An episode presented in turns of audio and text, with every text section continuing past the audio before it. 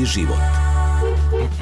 Ćao svima, dobro nam došli u Lab 76 broj 157 i dobro nam došli u izdanje posvećeno u sezoni Formula 1 u 2021. Dobili smo novog svetskog šampiona, dobili smo Maxa Verstappena, dobili smo sezonu koja još uvijek nije završena i protest Mercedesa i protest koji kaže da ćemo saznati ko je prvak sveta, pa nadamo se u narednih nekoliko časova možda i nešto kasnije. Pobedio Max Verstappen na velikoj nagradi Abu Dhabi, druga pozicija pripala Lewisu Hamiltonu, međutim sve je rešeno u poslednjem krugu, u poslednje trke, kao da je neko izrežirao. U pozadini, ako čujete buku, to je Abu Dhabi. Hvala svim patronima, ali ne čuje se, kaže Vanja. Inače, danas ćemo brže krenuti. Molim vas, vodite računa jednim drugima, mazite se i pazite se se, navijačke strasti, pa znamo da su tu, tako da neću ni da ih spomenjem, standardna poruka, budimo pristojni, ali ljudi, kakav kraj sezone, imamo mnogo tema, imamo i sve ćemo pokriti. Tu je gospodin Pavle Živković, kao što ste već navikli sa Ćao moje svima. desne strane i naravno sa leve strane gospodin Dejan Potkonjak. Ćao a svima. Imamo i Vladimira Todorovića u Abu Dhabiju i uključit ćemo se odmah u Abu Dhabi da nam ispriča kakva atmosfera tamo i onda ćemo krenuti polako ali sigurno sa svim što se dešavalo. Start start trke, žute zastave, virtualno vozilo bezbednosti, vozilo bezbednosti, e, odsustvo crvenih zastava, napad u poslednjem krugu, titula, žalba, šta se zbiva trenutno u Abu Dhabiju, nadam se da ste dobro. Udrite like, udrite subscribe, pa da počnemo. Mislim da nikad nisam imao kraći uvod u životu. Vlado, da li nas čuješ? Krećemo od Vlade koji je trenutno u Abu Dhabiju i... Čujemo, čujemo Kak, odlično, dobro vam sreća, dobri ljudi. Hvala ti puno, kakva je atmosfera? Ti upravo napuštaš, jel tako, stazu ja Gas Marina. Upravo napuštam stazu, pa sad bi ovdje I sad smo izgubili vezu. Koju prave ovi momci, ne znam kako Dobre. se zove, vidi, Prave žurku ovi momci koji su, koji su DJ-evi koji su bili na stazi. I onda je tu sad neko potpuno ludilo, vidim da je tu obezbeđenje veće nego Martlene za trku Formule 1 ali ovaj, evo sada bukvalno ljudi polako napuštaju stazu, do malo pre onako bila velika gužva, sada je gužva što se tiče automobila, ne može da se ode sa ovog ostrava Jas Marine prema Abu Dhabi, ali verujem da će to uskoro da se raziđe i očekujem da će, da će uskoro sve da bude čisto kao da se ništa nije ni dešavalo, a dešavalo se mnogo toga, videli ste i sami. I šta, kako je izgledalo u poslednjim krugovima? Te, koliko smo te shvatili, bilo je baš uzbudljivo od 53. kruga do 50%. Ljudi, to je, ja ne mogu to da opišem. A, neki ljudi su delovali mi da je trka već onako rešena, s obzirom da je od prvog do tog 53. kruga relativno bila neka uspavanka, nije bilo osim tog nekog duela između Tereza i Hamiltona, sve je bilo mirno i činilo se da Hamilton ide sigurno kao svoj tituli. Neki ljudi su već počeli polako i da napuštaju stazu i onda ne znam, kao da je nešto sudbina neka poslala Latifija u naručje, u naručje Maxa Verstappena, dogodio se taj sudar sa ogradom gospodina Latifija, direkcija trke naravno odlučila da uđe vozilo bezbednosti, posle toga i videli ste i sami šta se dešavalo oko toga, da li će trka biti nastavljena, da li neće, oni su odlučili da, da trka krene dalje, u posljednjem krugu Verstappen koji iskoristio taj trenutak otišao je da promeni gume i onda napravio taj manevar koji mu je donio titulu prvaka sveta. Ali sam taj trenutak kada je on prestigao uh, Hamiltona. Pa to ja mislim da takvu buku nisam možda jedino kad je Zvezda pobedila, kad je Zvezda igrala nerešeno sa Bayernom na Marakani. Taj trenutak kakav je to, kako to kao da je puklo nešto. To je sve zaječalo I ja, ona, evo, i ovog trenutka sam se naježio, bukvalno onako da se čovjek Nebo se otvorilo. Nevjerovatna stvar, jer su, jer su tribine, bez obzira za, za koga navijate, jer su tribine bile bukvalno potpuno, videli ste sami u naranđastim bojama. To je tako puklo da ono, ne, ne može čovjek da ne odreaguje. I onda posle toga videli ste sami, to je bilo to, nije više Hamilton i mogao da se vrati onda vatromit i sva ta ludila, ovde su ovi holandjani u potpunom transu, skakali, ludovali, i Super Max, Max, Max samo odjekuje Abu Dhabi. Ti, jel si ti uspio da izađeš sa jas Marine? Evo ja ću da izađem uskoro, samo polako, nigde, nigde ne želim, imam 3 sata, imam 3 sata fore, tako da ovaj, ovde prolazim baš pored ovaj Ferrarijevog, to, ja mislim da je to neki njihov centar tu, i oni Jeste, tu mislim da dolaze, svet Ferrarijev set, oni tu dolaze valjda verovatno u ovom delu kada, kada nije sezona, mislim ja sam oduševljen samom i stazom i, i samom tom jas Marinom, ona je malo dalje od, malo dalje od Abu Dhabija, ali sve je to onako urađeno na jednom vrhunskom spektakularnom nivou. Dobro, stići ćeš do ponoći kući, pretpostavljam, to jest u hotel. Da, kuću nemam ovde, do hotela ću doći sigurno. Dobro, i kući polako, vraćaš nam se kada? Pa vratit ću se, ostajem ja ovde još, pošto će biti ovaj teniski turnir, ovaj Mubadala, da učestvuje Nadala, ima i svetsko prvenstvo u plivanju, tako da sam kući tek negde 22. kad snijeg okopni. Taman se vidimo taman, tad. Taman ćemo znati ko je šampion, tako da vidimo se u studiju. Jeste, jeste. Ovaj, kažem, ovo je stvarno bilo, bilo jedno nezaboravno iskustvo i uopšte, kažem, verovatno je to tako moralo da bude, da bude iscenirano, bez obzira za koga čovek navija, stvarno je bila privilegija biti ovde i uživati u ovoj, pa ja mislim u poslednjih 15 godina najozboljivijoj trci u, u Formuli 1, delovalo je, kažem, do, do tog 53. kruga da se stvarno ništa neće desiti, da će Hamilton rutinski doći do osme titule, nadmašiti Mihajla Šumahera, međutim, eto, prst sudbine se umešao i donio završnicu koju verovatno niko ne bi mogao bolje da izrežira. Vlado, hvala ti puno. Mi te puštamo da tražiš prevoz, da se snalaziš nekako do hotela. Vidimo se kada se vratiš nazad u Beograd, da nam dođeš u studio, malo preneseš utiske. Mnogo ti hvala za ovo uključenje, evo, ekskluzivno iz, iz Abu Dabija.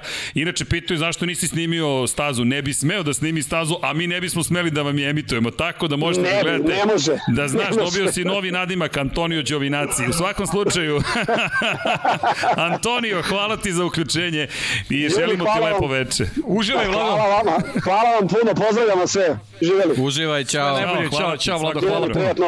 Ćao, čao. Ok, nadam se da ste uživali direktno iz Abu Dabija. Čovek je, kada mi ispričao da su ljudi pet krugova, malo više, sedam, osam krugova Počeli izlazi staze, da. Počeli da izlazi. Znaš na šta me podsjetilo? Vanja, ti ćeš znati.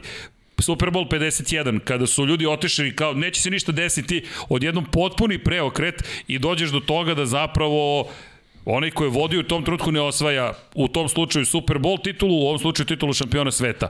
Ljudi, pa ja mislim da su to radili da ljudi koji su došli na spektakl, a ovaj, ne prate očigledno pomno Formulu 1 pa su ovaj, završili posetu ranije, ali, ali ovo jeste bio spektakl i sigurno su gledali ljudi koji ne prate u kontinuitetu, to sam ubeđen, jer ovo je bio globalni događaj, jedan od najvažnijih događaja u 2021. a možemo da, da ga prevedemo i na neke ranije godine, kada je Formula 1 u pitanju svakako najvažniji u posljednjoj dekadi, jer ovako nešto se nije dogodilo u istoriji još 74. godine, a epilog je, epilog je bio nešto, nešto najbolje što smo mi iz neutralnog ugla mogli da dobijemo svakako. Da, i pozdrav za svih 1878 ljudi koji su trenutno s nama. Da, Sjajno.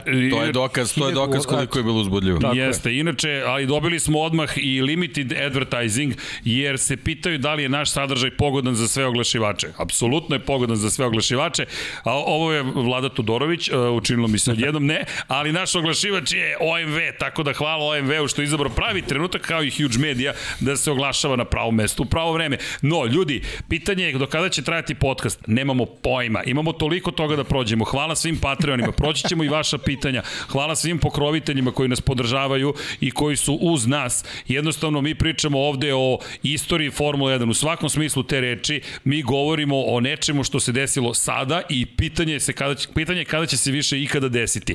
Poslednja trka sezone pol pozicije za Maxa Verstappena sa prvog mesta kreće na making gumama kreće u jednu od najvećih bitaka, međutim, Vanja, dodaj taj miš, Manja mi se ovde muči da bugasi u pozadini Zoom, daj to vamo da sredimo podcasti, daj taj miš, dođi, ma, pa onda nekako drugačije. Imamo male situaciju tehničke prirode da rešimo sada pitanje Zooma. Elem, no, da se mi vratimo, pošto mi vladu čujemo u pozadini, vi to možda ne čujete, ali Čujemo navijača koji napusti, napusti Jas Marinu. Udri Alt F4 i ugasit ti se zoom, da znaš.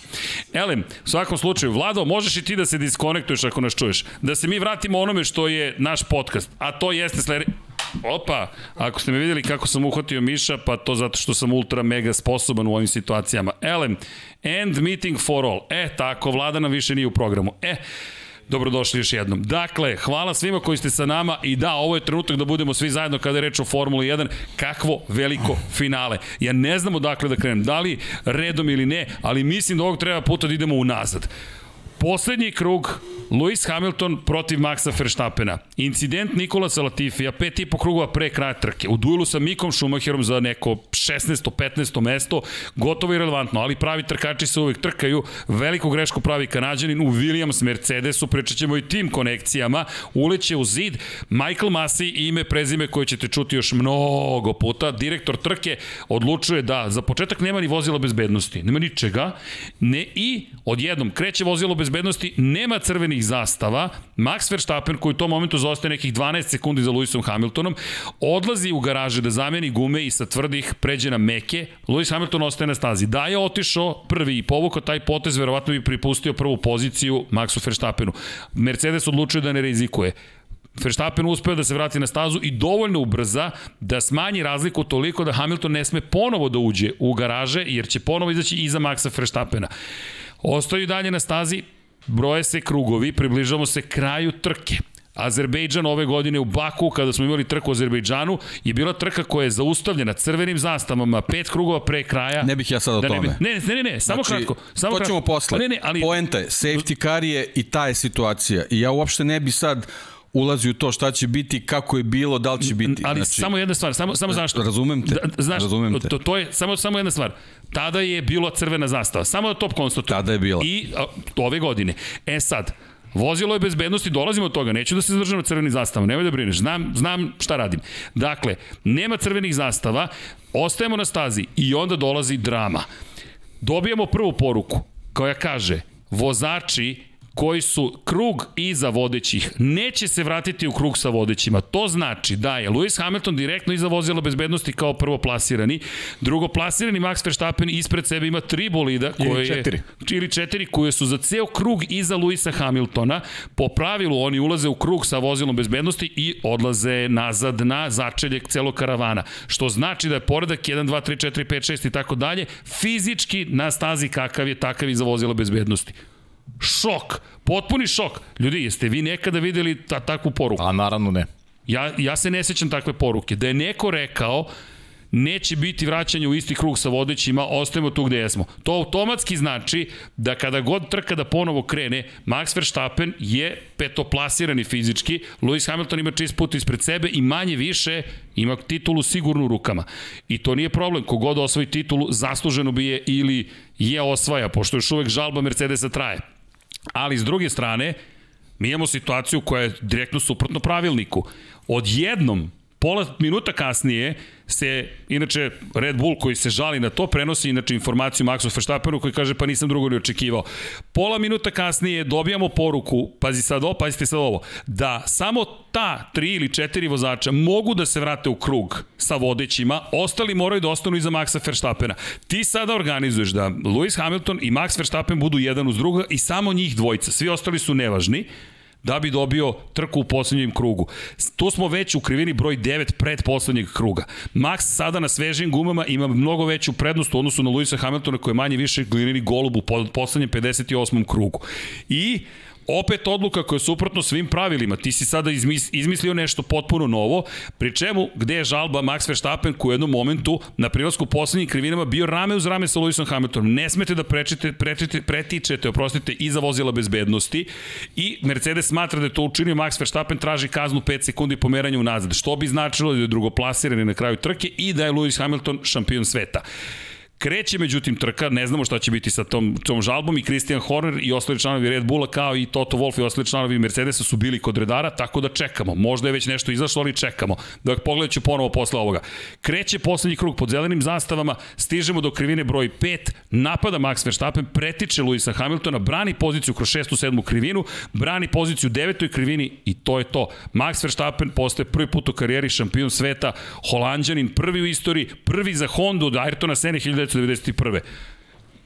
Odakle da krenemo? Kako Masi može jedno da kaže, pa drugo da kaže, pa da promeni, pa jednom protiv pravilnika, pa drugi put protiv Deki, pravilnika? ti jedini nisi imao priliku da kažeš ovaj, ništa. Utri, Deki. Ajde, Deki, kren, da krenut ćemo od tebe. Pa pre svega ovaj, čestitke obojici na fenomenalnoj trci, znači stvarno posebno Lewis Hamilton, znači apsolutno, apsolutno ovaj, kompletne performanse, e, njegovo ponašanje, apsolutno sve je, je bilo potpuno šampionski. S druge strane, takođe, Max Verstappen je radio sve maksimalno koliko je bilo do njega, naravno ponovo je morao da ima neku dozu rizika, ali jednostavno nije, nije bilo drugog načina da, da se bori uh, protiv Mercedesa i, i naravno datu, datu situaciju je apsolutno iskoristio uh, i, i, i pre svega želim, znači kompletna priča vezana za njih dvojicu apsolutno nema nikakve veze sa tim dešavanjima za tim nekim zelenim stolom, a to je neka situacija, to ste vi već načeli i već ste pričali o tome stvarno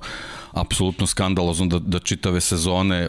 Praktično posle svake trke moramo da, da, da pričamo o, o, o sudijskim odlukama, posebno čoveka koji je na čelu te, te čitave ekipe, tako da, da baš je onako nepotrebno bilo da, da, da i ovoga puta posle trke imamo takvu priču da sad ponovo njih stavljamo u usta i da, i da, da razgovaramo o njihovim odlukama, ali jednostavno bukvalno eto, od, od prvog kruga, od, od, od prvog duela njih dvojice mi smo imali neku situaciju gde moramo da, da osluškujemo šta se dešava ovaj, vezano za, za neke odluke, za neke kazne ili kako god se to zvalo, umesto da, da, da uživamo u vožnji svih asova na, na, na stazi, a posebno Luisa Hamiltona koji po meni zaista majestralno ode za trku.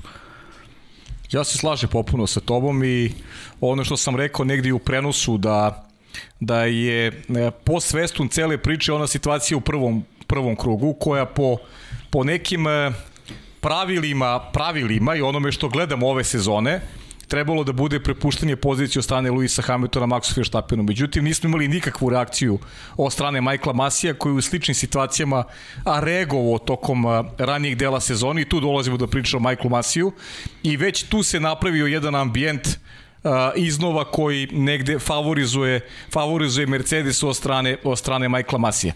A trka je pokazala šta? Da jednostavno Lewis Hamilton bio brži na ovoj trci bio bolji i da a, je jedini, jedini način na koji je mogao Max Verstappen da pobedi, to smo je govorili tokom trke. Tokom prenosa si tokom potencirao više puta. Potencirao da. više puta da samo izlazak sigurnosnog vozila može da trku uvede u neizvesnu završnicu, jer Max Verstappen i sa novim tvrdim gumama nije mogao da parira rezultatima Luisa Hamiltona. Prosto je Mercedes i, i Luis u ovoj trci bili bolji.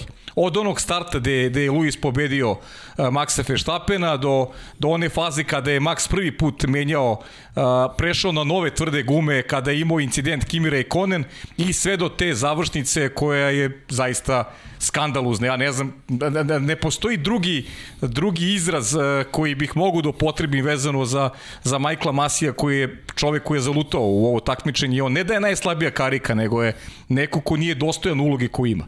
I bilo bi dobro za Formulu 1 da u sledeću godinu uđemo sa e, nekim čovekom koji ima iskustva, koji je profilisan, koji kome se veruje prosto jer jer Michael Masi je, je apsolutno promašen slučaj čovek koji nas je uveo u, u, u, u neke neke uh, i pogrešne poglede u krajnjem slučaju. On je napravio i neki jaz između navijača, jer uopšte nisu u pitanju Max Verstappen i Lewis Hamilton. To su dva velika vozača. Ovde je samo nedoslednost jednog čoveka. Majkla Masija i njegovog tima.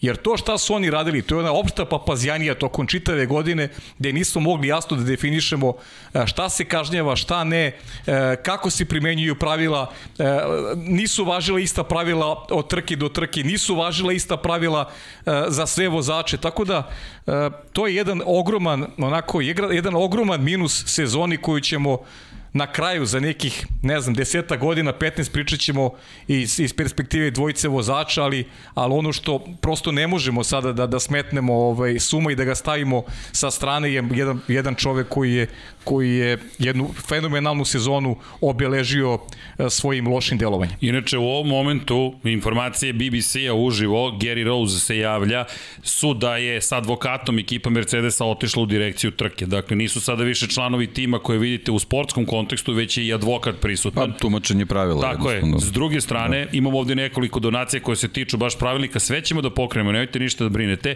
Imamo sad sledeću situaciju. Red Bull odlazi ponovo na razgovor sa sudijama i čini se da još uvek nije ništa rešeno ili možda nije rešeno na način koji njima odgovara. Kako god, izgleda da još uvek čekamo na odluku o tome ko će biti šampion sveta. Oglasio se i David Coulthard koji kaže da li smo, da li iko očekuje da će drugačije ovo se nastaviti. Pa da, pa naravno. Previsok je ulog. Ulog je ogroman. Osma titula šampiona sveta za Hamiltona i 104. pobjeda istorije u svakom smislu te reči. Mercedes je veoma nezadovoljen. S druge strane, Red Bull slavili su dok nisu dobili poziv kod sudija. U roku od 30 minuta po završetku trke uložena je žalba, tako da ovo još traje. Inače, jedna od, pravi, jedna od e, stvari koje se spominje jeste upravo način na koji je organizovan, dakle, poslednji krug i način na koji je organizovano da ne bude, to jest da kasnije bude ulaska u, pos, u, u krug sa vodećima za vozača koji su ceo krug iza. I tu postoje dva problema. Ni prvo, ni drugo nije u skladu sa pravilima. Tako da je sada problem Red Bull, da li može da kaže pa dobro, ni prvo pravilo nije bilo prema onome A, što... može naravno. Može naravno. Tako da ovo može da se zaista zakomplikuje i razumem i navijačke strasti, ali takođe ni prvo pravilo, to je prvi potez nije po pravilu, ni drugi nije. I to je ono što je suština celog problema. A mnogo toga nije. Damon Hill, izvini, šampion sveta iz 1996. je lepo rekao Mislim da je da smo došli u situaciju kada direktor trke ad hoc donosi odluke i svi se pitamo šta će sledeće odlučiti. Niko zapravo ne zna. Pa da, pa to je to. I sad, da je istakao crvenu zastavu, da je Pera otišao u policiju na vreme, mi ne bismo o ome pričali zašto. Pet krugova do kraja, i jedan i drugi menjaju gume, trkajte se momci. Kraj priče, kraj priče, ovako ti otvaraš situaciju koja prvo je protiv Red Bulla, zatim je protiv Mercedesa. Gde je leži problem? To je ono neki što si ti rekao pre početka podcasta. Ne možeš da kažeš nećemo skloniti vozače za ceo krug koji zaostaju, da bi to promenio 30 sekundi kasnije. Šta, šta je tu problem, deki? Za Luisa Hamiltona? Pa, uh, ako, ako si dao informaciju da ih neće skloniti, to je apsolutno uh, drugi način pripreme za nastavak trke.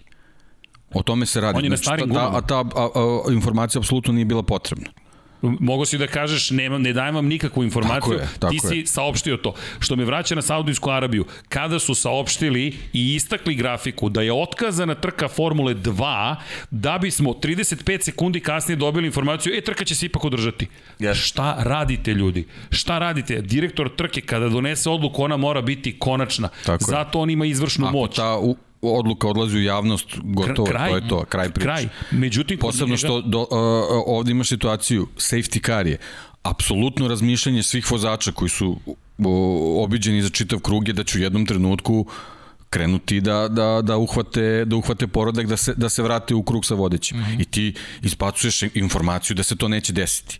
Pritom, ako izbacuješ takvu informaciju, logično je razmišljanje da se to uopšte neće desiti. E onda, posle samo nekog vremena, jako, uh, u, u, jako kratko pre nego što, što će se trka pustiti, saopštavaš da oni trebaju da se sklone i to ne svi vozači, nego samo oni koji se nalaze između Luisa i Maxa. Mislim, Znači, potpuno neverovatno. Znači, apsolutna papazijanija u visokotehnološkom sportu, gde, gde ne da se poštuju procedure, nego to je malte ne ravno poletanju aviona ili, ili rakete na, da, u svemir. Znači, jednostavno, ne, nemoguće takve odluke, a, takve odluke do, da donosiš posebno zato što, što su to automobili koji imaju uh, i svoju proceduru pripreme za nastavak trke. Znači, to jednostavno ne, ne može tako, ne, ne može tako da se desi. Nema šta da se doda. Michael Mas izgleda reaguje komu se prvi javi, on ovaj Pa to, A to je tek posebna ko, priča. Ko, ko, ko prvi pozove Halo Bin, kako brati, on onda ovaj, reaguje. Onda reaguje. To je u stvari gla, glavni problem posled... čitave sezone je, je ta njegova nedoslednost i očigledno manjak autoriteta u odnosu na, na, na vodeće pa ljude ekipe. Ali ti ga čuješ tu, tu boju glasa njegova, kad su, on, on se javi u startu njima kao da im se izvinjava nešto. On u startu zaozme stav da ti možeš sa njim, da sa njim može da manipuliš. On u startu ima taj stav. Stalno se nešto izvinjava, stalno je stalno da, je sa nekim krenuo još od Imole, mislim pa to krenuo je da krenuo je da, ali ali ali on on on loše da. reaguje na to. Okej, ako ne možeš se nosiš sa tim, kaže ljudi ja nisam za ovo, ja ja odoh. Nisam prosto za to. Ne mogu složiti se pričati. Kakva, je, kakva je razlika između situacije u Imoli, situacije u, u Saudijskoj Arabiji, situacije u Jasmarin? Pa kak? Ka, kakva je razlika u, u tim Došlo duelima? U prvom krugu? Ne, Govorimo o, o duelima između njih dvojice. Duelima, pa da. I uključujući, recimo, uključujući duelu u Silverstone. Ne, znači ne uključujem apsolutno druge da. vozače, uključujem samo, samo njih dvojicu. Pa je, Kakva je razlika između zašto, ta, ta četiri konta? Zašto ja pričam? A, odluke su potpuno drugačije. Zašto pričamo o Silverstone stalno? Zato što mi ove godine imamo kaznu 5 sekundi za stiropor. Za stiropor imamo kaznu 5 sekundi. Pravilnik je takav da ne priča o posledicama, priča samo o prekršajima. Ok, ali ne može da bude stiropor isto kao, kao i, i, i, ova situacija. Ne može da bude kao, kao Ili su i morali da reaguju pre poslednje trke da kažu moramo pa, mo, da nešto uradimo da ranije. Da reaguju, ali ne da reaguju. u predposlednjem krugu da kažeš, ej sad ću ipak da promenim moju odluku, pa jel imaš ili zapravo nemaš? Šta, šta je, gde smo u celoj situaciji? Inače, čestitke još jednom Maxu Verstappenu. Kogod je svoju titulu, fantastičan uspeh. Neverovatan uspeh. Sezona koja će se pamtiti. Kažem, protest deluje da je vrlo ozbiljan Mercedesov i da, da ja, iskreno kažem, da promene. Da će tu da se dogodi bilo šta, mislim, tek, tek bi onda bio onaj skandal pravi. Pa, ali nije nemoguće. Pa mislim, pazi, u, u ovakvoj konstelaciji i sa, sa čovekom koji je direktor trke, koji se zove direktor trke, ništa nije nemoguće. Ali bukvalno ništa nije nemoguće. Inače, i Max Verstappen se oglasio, apropo onoga što je Mercedes rekao i protesta koji je uložio, rekao je da to iz njegove perspektive sumira celu ovu sezonu, a Christian Horner je. rekao da je razočaran prosto pa, da. pristupom koji je Mercedes izabrao, ali ni, mislim da nismo ništa drugo ni mogli da pa očekujemo. Pa naravno. Pa Pogotovo ne posle onako kraja, čuli ste i Tota Wolfa, ne Michael, ne na ovaj način, ali jedna i druga ekipa u zavisnosti od situacije govorila ne, ovo ne treba ovako da se desi. Što se tiče incidenta u, u, prvoj, u prvom krugu, Par stvari, loš start Maxa Verstappena, ponovo pod pritiskom on taj koji otvara vrata.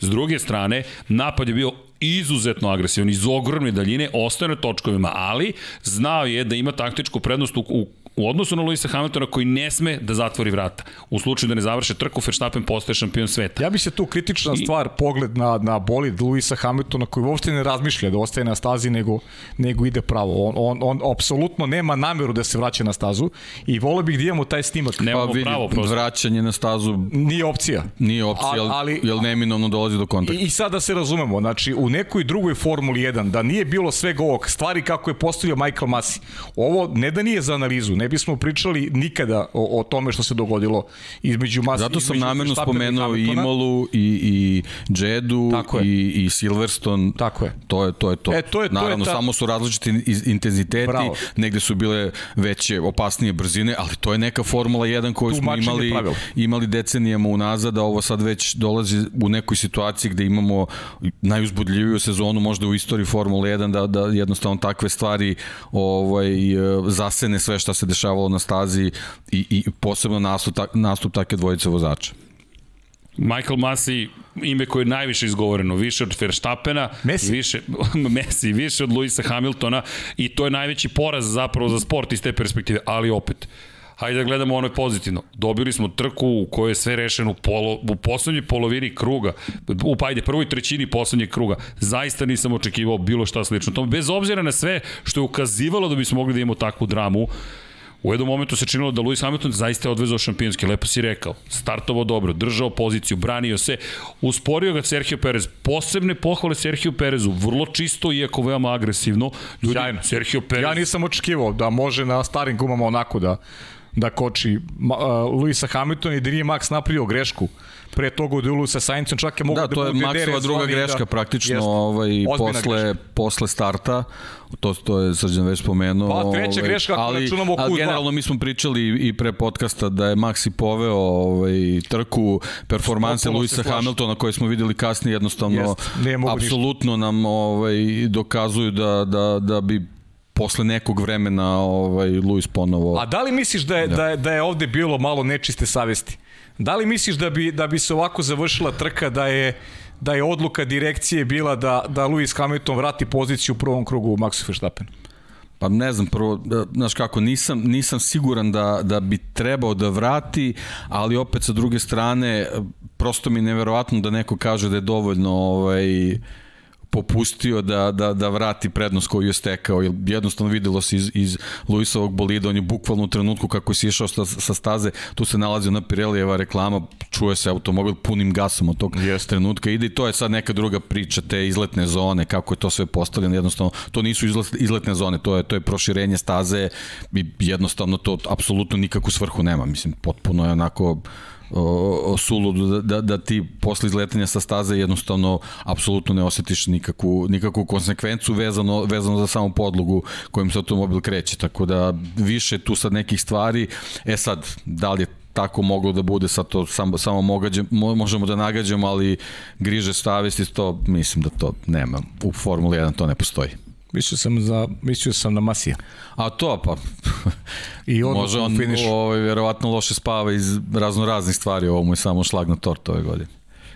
To je bilo glavno pitanje zapravo, da li je njegova potez na kraju da. bio, ok, ajde da izbalance. Pa ne znam, nemam pojma, mislim, suviše to skupo i veliko, ali ako i tako bilo, to ne da je ne, nespretno, nego ja stvarno ne znam, to... Ne, nespretno to, je kranje, to, to, to nije, nije sporno uopšte. On je, on je više puta ove sezone pokazao da stvarno nije čovek za tu poziciju, ovo je, ovo je ovo je, ovo je zacementiralo apsolutno naš zajednički stav, očigledno. Jest, jest. Tako da, ove, ali ne verujem, ovaj Liberty Media ovo sasvim lepo odgovara i mislim da, ne, da ćemo ga gledati. To je, to je sad druga ćemo, strana Gledat ćemo ga i slušat ćemo ga i sledeće. Da se ne lažemo. Pričali smo da o tome. Da se ne lažemo. Da, da. I nama za stolom to ovo je odgovaralo.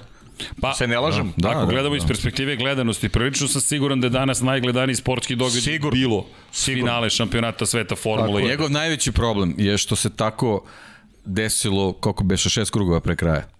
E, da, Tako, da je šest. bilo 10, komotnije bi on doneo odluku. Ovako je baš, baš bilo napito. Mislim da nije, nije da. imao... Da. A što se tiče, ako, ako već poredimo Azerbejdžan, zašto je tamo doneta ovaj, odluku crvene, tamo je jako opasno. Mislim, generalno, Maxo Bolis, delovi sa bolide su se razleteli po startnom pravcu i zaista je opasno bilo i tamo ne, ne vidim ovaj drugi način da ne bude crvena zastave. Sad tu smo pričali zašto u tako kasnoj fazi trke se uopšte crvena zastava daje kad je prošlo 75% od trke, kao što i ovde prošlo i tako dalje i tako dalje. Ali postavio si presedan.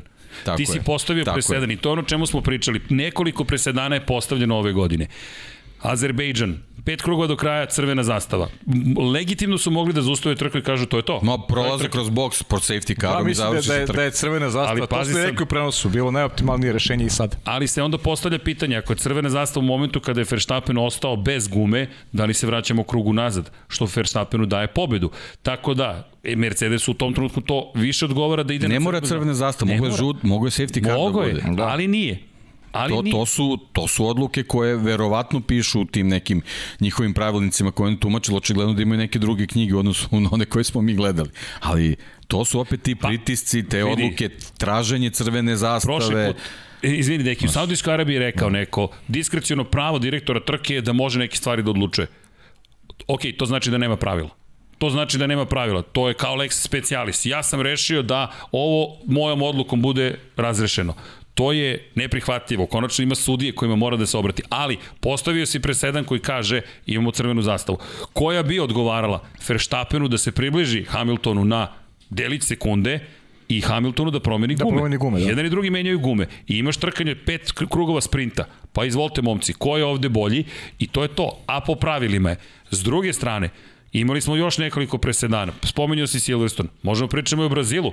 Tamo je Max Verstappen branio poziciju tako što je sišao sa staze braneći poziciju, sišao je Lewis Hamilton i rekao si nema potrebe za istragom ok, dakle postavio si presedan, a onda si u Saudijskoj Arabiji rekao, ne, ipak će to biti za istragu. Čekaj, je li istraga ili nije? Onda ne, počinje trka u Audi, Abu Dhabi i ti kažeš, aha, ovo, nije, ovo si, sad, ne, sad neće biti pod istragom. I, imao si takođe u, u Silverstonu u 45 minuta traju crvene zastave, ti ne donosiš odluku u kažnjavanju Luisa Hamiltona, kažnjavaš ga kad se vratio na stazu. Dobije 10 sekundi koji što nije kazna ni za Mercedes ni za Red Bull. Imaš u Jedu situaciju gde u momentu kada odlaze u pit lane ti odmah a, a, nudiš opciju ekipama imam, imam za vas ponudu.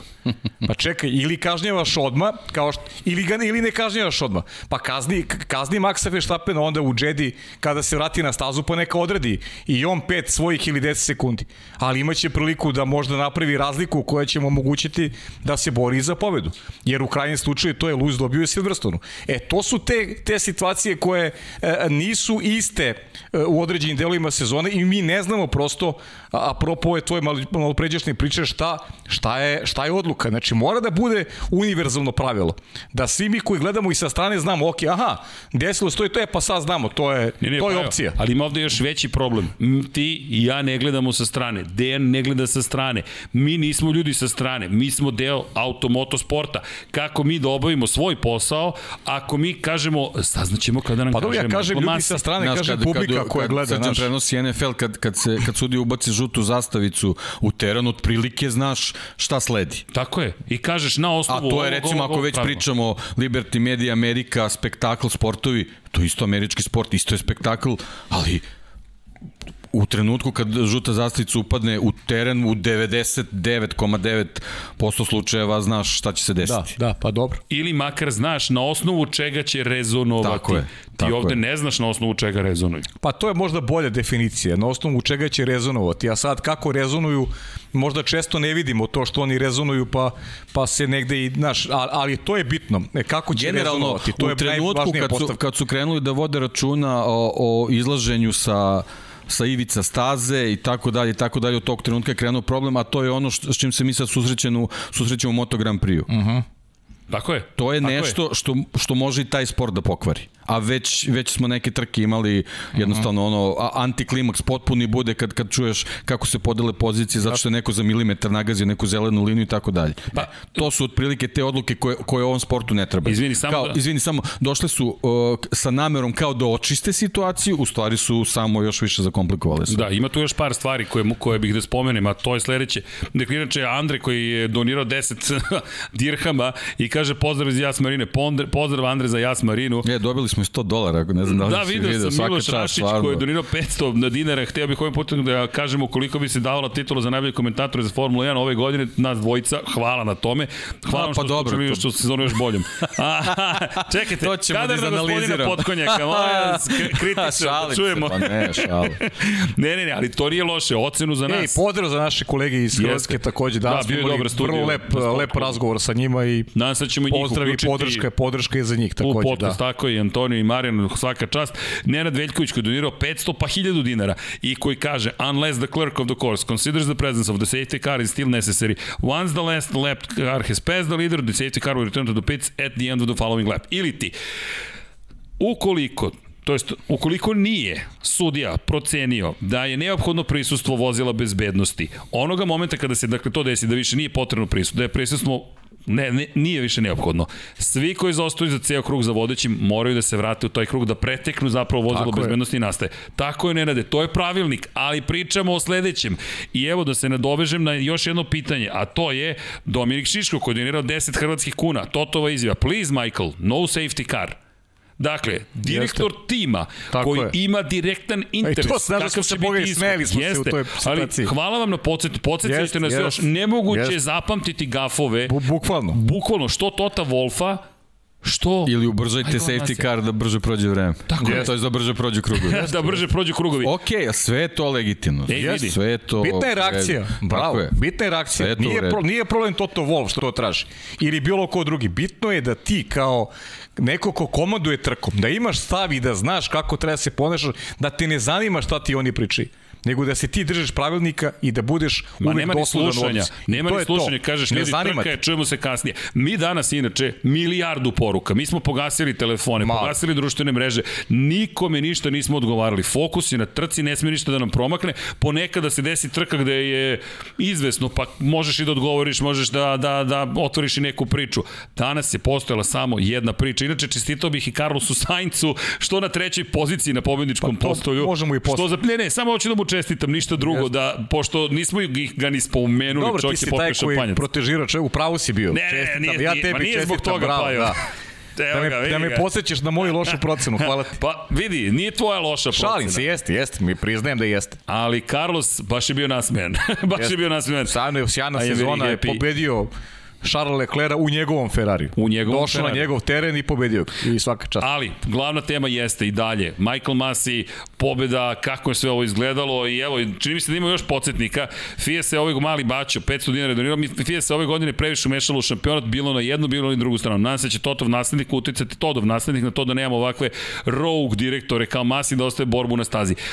Slažem se s tim što je pitanje koliko je Znate kako, hajde ovako, mm, da ja ću biti politički korektan ili oprezan u izjavama, to mi je posao. Ali, sledeća stvar, šta mislite, da li postoji neko ko je zadovoljan situacijom bez obzira ko je svetski šampion? Osim nas u studiju. Pa, mislim da si odgovorio upravo. apsolutno svi mediji na planeti Zemlji i možda još jedna kompanija koja živi od tih medija. Samo kažem možda, ne kažem da je tako. Tako da, Mislim da ćemo Masija gledati sledeće sezone i ono što je Deki rekao, makar nas dvojica delimo to mišljenje. Ljudi, ne postoji događaj. Evo, vlada Osim nam je... ako sam ne podnese ostavku. Teška priča. da. Mislim da, da, da, e, ajmo hajde ovako. Ja ne, zaista nisam znao Ja sam tražio je... to njegov prenos, ne znam da si čuo. Da. Ne, ne znam da će me čuti. da, ali pazi sad ovo. Mi smo imali situaciju u Australiji u kojoj kada je Charlie Whiting preminuo i Michael Massey doveden u ovu ulogu, ali lepo je Marijan rekao, Charlie Whiting je bio i starter. Charlie Whiting je stajao u kabini koja se nalazi iznad startnog ciljnog pravca i davao signal za početak trke. To ne radi Michael Masi. Michael Masi sedi u svojoj kancelariji sa sudijama i upravlja trkom. U var sobi. U var, u var, sobi. U var sobi. Ali I, zato četka stazu, to Charlie e, radio. To smo videli u Saudijskoj Arabiji. Dakle, imamo situaciju u kojoj čovjek je rasterećen, da može bolje da odlučuje jer ima manje iskustva, to nije bio slučaj. Michael Masi je nama bio nepoznat do tog dana. Žao nam je naravno pre svega što je Charlie Whiting izgubio život. Šteta. Verujemo da je mogu da poživi i ne iz perspektive Formula 1. Pre svega zbog njegove porodice. Formula 1 je minorna u tom, u tom aspektu. I iz te perspektive bitan je život. Ali u tom momentu počinje se priča Michael Masi. Ko je uopšte Michael Masi? Ja nisam bio siguran, iskreno, da li je Mihael, da li je Michel, ko je Masi, da li je Francus, da, brzo smo saznali Australijanac. Ok, Michael Masi. Sada previše znamo o Michaelu Masiju i evo, ko zna koliko još izziva ćemo videti na tu temu i ko čega smo, šta smo sve zaboravili u tom trenutku. Pa dobro, i, i sad to što si, to si pokrenuo ovu temu i ova kazna Mercedes opet ide u prilog onome što si rekao i, i dalje se sad se čekaju te odluke i dalje se priča i, i možda nećemo znati do jutro konačan epilog cele priče, tako da Ma... sve to odgovara Liberty Media, naravno odgovara, ali, ali to nije suština. Skandalom suština, su suština završili, sporta to nije, tako da... Skandalom su završili zapravo sezonu, pa, bez obzira ko šampion bio. Pa ska, skand, skandala je bilo mnogo tokom sezone, je. ali kažem ti, ono što ćemo pamtiti na kraju to je isti pa, broj poena, posljednji krug i to je nešto što, što ostaje u, u sećanju svih pa, navijača. Da nije bilo to te situacije, pričali bismo opet o Masiju u velikoj meri. Kako je došlo do svega pa, ovoga Masiju bi svako pričali. Tako je. Nego, ali, nego, nego će sada mnogo više navijača Luisa Hamiltona pričao Michaelu Masiju. A nisu imali baš toliko razloga da ga, da ga apostrofiraju tokom ove godine kako mnogo mnogo Sve više to lepo su... izbalansirano. Da, da. A tu pa upravo to. to. Kako je jednom došlo do toga da zapravo Masi bude taj koji je protiv Luisa Hamiltona, a do ove trke se govorilo da je protiv Maxa. Pa zato što je kri kritična situacija u trci je bila protiv Luisa Hamiltona. Kritična situacija u sezoni je bila protiv Luisa Hamiltona, ne u trci. I, i, onda, I onda je taj utisak poslednje trke preovladava i on je sada dominantan, pre svega u glavama navijača Luisa Hamiltona. I zato imamo sada dodatni pritisak na, na, na Masija koji a, e, nije sada prvi put pogrešio. Ne, ovo je hiljite njegova greška.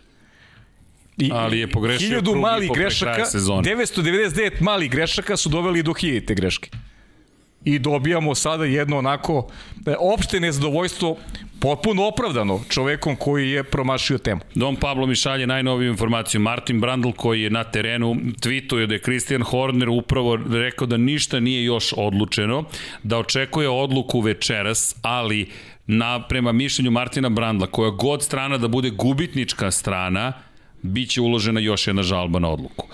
Tako da ovo me neće biti kraj, ja sam to ono što smo i rekli, pa tokom da, prenosa, očekujte da do apelacionog suda. Da, do apelacionog suda, bukvalno idemo da, na sud pravde do Strasbura ili Ženeva, šta god. Čera ćemo se još. Pa do, dobro, to je njihovo pa legitimno pa, pravo i to je pa, potpuno okej. Okay. Niko, niko do trenutka dok ne kažu trka se poništava. idemo u novu trku. Idemo u novu trku. Ej, Pred početak sezone vozimo posljednju da. trku za, za titulu prošle sezone. Znaš šta je predložio David Coulter? Da prebacite po jednom sledeću sezonu, pa da krenemo iz početka. Pa da. pa bit će i onako na isto. Tako da je sve okej. Okay. Ali i onda dve titule dobiješ na kraju sledeće sezone. Da. Saberu svi, podeliš dve titule, pa ko bude bolji dvostruki šampion sveta odmah Max ili devetostruki šampion Lewis Hamilton. Ali mislim da će se i drugi timovi nešto pitati. U svakom slučaju, drama se nastavlja. Da vas pitam još jednom, kome ovo odgovara i ko će odjednom moći da priča i piše o Formuli 1? Svaki medij koji se bavi Formulom Pa dobro, nar, pa evo ti pogledaj sad.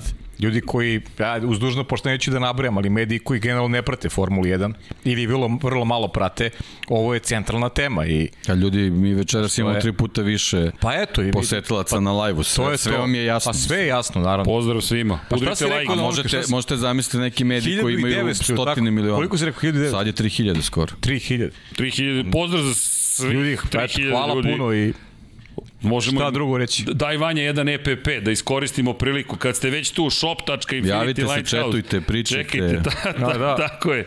Ali, Evo da vidite, imamo i prodavnicu, time nas podržavate, imamo i Patreon, time nas takođe podržavate, malo da, da spomenu, daj Kimijevu, molim te, fotografiju, pa ljudi, najzad možemo da pustimo u štampu knjigu, zašto? Završene poslednje, poslednje trka Kimira i Konena, hvala našoj štampari koja je čekala i rekla, ok, možete u ponedljak da dostavite poslednju stranicu sa rezultatom Kimira i Konena, odlazi u penziju, prevedena knjiga iz 2018. Karija Hotakainena, pozdrav za Milicu Čigriju koja je prevela knjigu i evo kreće u štampu štampu, najzad imamo i poslednju stranicu, tako da možemo da završimo knjigu.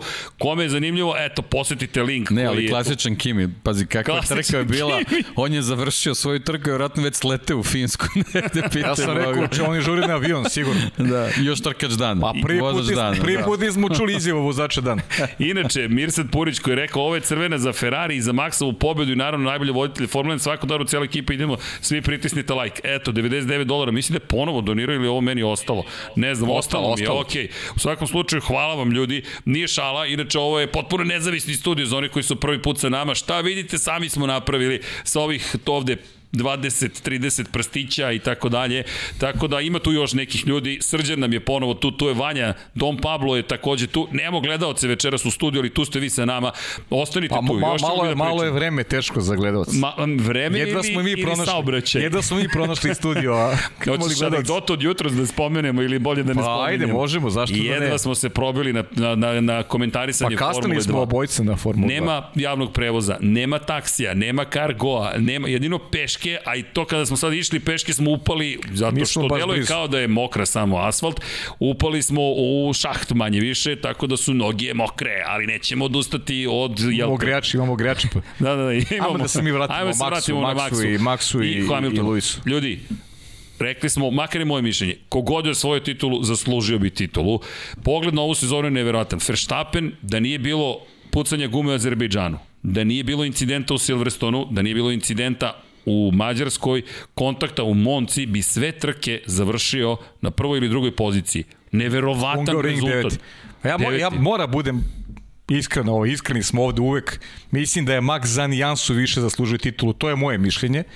Po svemu onome što je pokazao tokom sezone i tih, i tih turbulentnih momenta a, koji su ga udaljili od dobrog plasmana incident u Silverstonu, pucanje pneumatika u Baku, Hungar Ring, Valtteri Bottas gde je uticao na njegovu trku tako što ga je... Ne samo njegovo. Ne samo njegovo, ali Valtteri pa ne, ali Bottas kažem, je, nije tako samo je, da, Max da, nije bio, samo, da. da. nije samo Max, da, tu je bilo šestorica vozača, Valtteri Bottas kao kuglani porušio je ovaj, sve kugle, sve ovaj, čunjeve i uh, to je to. Ali generalno kada sumiram, kažem, sezonu, uh, Max je za nijansu više zaslužio. E, ono što je još jedna mrlja, pričao sam o, o, o tome tokom prenosa, mislim da je ta Belgija, gde jednostavno ono nije smelo da se dogodi da, da Max Verstappen dobije pobedu i ta pobeda je generalno mogla da napravi razliku u, između dvojice vozača jer ono nije bila trka. Ono je bila vožnja iza, iza safety kara i ono je zaista jedan nonsens koji ide uz, uz Michaela Masija i sve ono što je radio tokom godine. Još jedan klasičan primer kako se neko ne snalazi u postojećim okolnostima i eto, bodovalo se nešto što u principu nije održano. Tako da jednostavno ta pobeda malo mi je neukusno bilo da se da se prizna nekom pobeda za za nešto što se što se nije održalo ali eto i bilo je i toga ove godine tako da kaže samo moj stav, ne znam to koliko se slažete. To je opet priča o savesti. Tako je, tako je, o savesti. Sve, priča. sve se razumemo, da. Ali, ali kažem, eto, ne znam kada da li delite mišljenje, za mene je Max Verstappen bio jednostavno za nijansu bolji od Luisa Hamiltona ove godine. Eto, to je moje mišljenje. Pa, apsolutno se slažem, mislim. Ne, ne bih na, na ovo dodao, dodao ništa, jednostavno ovaj, koristio, je, koristio je svoje prilike kad je, kad je bolid bio maksimalno spreman, imao je te neke situacije, kažem, eto, sa, gde mu je jednostavno nedostajala sreća da, da, da ovaj, materializuje taj to, ta, ta dobra izdanja koje je imao, opet sa druge strane bilo je situacija kao, kao što smo imali u finišu sezone da jednostavno nije imao, nije imao izbora nego je morao do da riziku i naravno taj rizik je ovaj, dovodio do nekih, do nekih grešaka, ali opet sa druge strane i ako, ako sad kao stavljamo neke, neke tasove na vagu i, i, i Luis je kad se spomene taj Azerbejdžan i on je imao greške i tako, tako dalje ne. i tako dalje. Tako da kad se sve kad se sve sabere uh, mi bismo trebali u svakom o, o, pogledu da imamo ovakvu završnicu sezone samo što eto nažalost nismo nismo Ljudi. dobili da vozači odlučuju o tome nego eto ne, neke druge instance. Izvinite, iz minuta u minut Chris Medland se upravo javlja.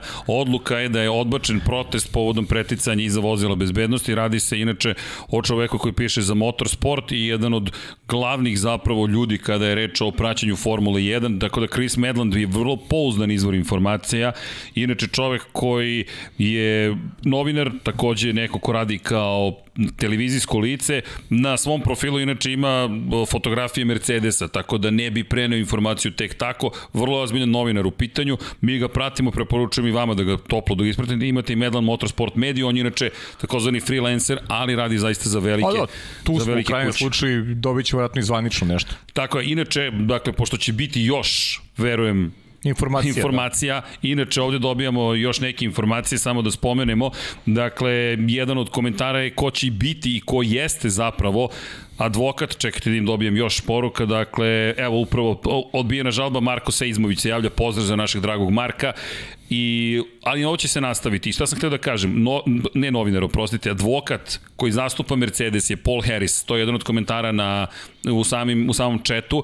Međutim, Paul Harris nije od skora advokat Mercedesa. Ako ste zaboravili, tu smo mi pre 8 godina i učestvovao u onom čuvenom test gate-u kada je Mercedes testirao Pirelijeve gume pre nego što su ostali imali priliku da ih testiraju. Međutim, odbranio je pred Međunarodnom automobilskom federacijom Mercedes. Na tom saslušanju je dokazao i pokazao da je Pirelli organizovao taj test i da je Pirelli izabrao da to bude Mercedes. Tako da je već jednom Paul Harris bio uspešan u toj, iz te perspektive, a kažu gledaoci da je pomogao i Manchester City da mu bude skinuta, jel te zabrana učešća u Ligi šampiona ili negde... Znači, da, više, ne, u igraju... Pa, finansijski fair play. Tako da, igrače, tako da je Paul Harris neko ko će imati pune ruke posla, verujem da njegova kancelarija trlja ruke u ovom momentu i kaže samo se vi svađajte, nema problema, billing hours će biti poveći, ali za sada, dakle, odbijena jedna žalba i ovo se nastavlja. Dakle, verujem da već sada Paul Harris ili leti negdje ili šalje nekome e-mail i kaže krećemo u akciju, njegov advokatski tim je vrlo ozbiljan i Mercedes deluje kao da neće tek tu stati, da će ova bitka se nastaviti. Ali, to su za sada poslednje informacije, ko zna, možda bude još nečeg do traje podcast. Prenosite nam ih, hvala Dom Pablo, kao i uvek, super vredan, a i u ovom momentu samo bih spomenuo još par ljudi koji su se javili, čestitke Maxu Verstappenu, inače eto, dobili smo još jednu donaciju rumunskih leja, 99,99, to je zbog 99 yardi, verovatno, ali hvala vam zaista na podršci, inače Josip Kovačić koji je donirao 5 eura i kaže uništena utrka, neka gospodin Pajo pročita poruke s Instagrama. Aha. Hoće, ali... Hoće, Josipe, samo naravno. Samo da stignemo sve. Ima puno poruka, ljudi, i mi malo nam treba vremena da se snađemo. A, hoćemo, Josipe, to ćemo na kraju. Video sam sada, ne brini, to ćemo na kraju kada, Tako, da kada završimo analize, pa bit će onda i vaše pitanja i Evo, pročitaću sve što stignem tvoju sigurno. Hvala ti. Evo još jedna donacija Ivan Božanić, 1000 dinara, veliki pozdrav, slažem se sa Pajem, crvene zastave, hajmo pet krugova i svaka čast za komentare, sanje, želim vam sve najbolje. Hvala, hvala, hvala puno. Hvala zaista. Što se tiče, ajde da dam samo my two cents, kratan komentar, da, koje je zasluženo, nezasluženo, obojice bi zaslužilo titulu. I iz perspektive onoga što je Max Verstappen pokazao, pokazao je, lepo si rekao, za nijansu više. Zašto to kažem? Red Bull nije toliko dobro organizovan tim kao Mercedes i bolid je povremeno bio bolji za jedne, povremeno bolji za druge.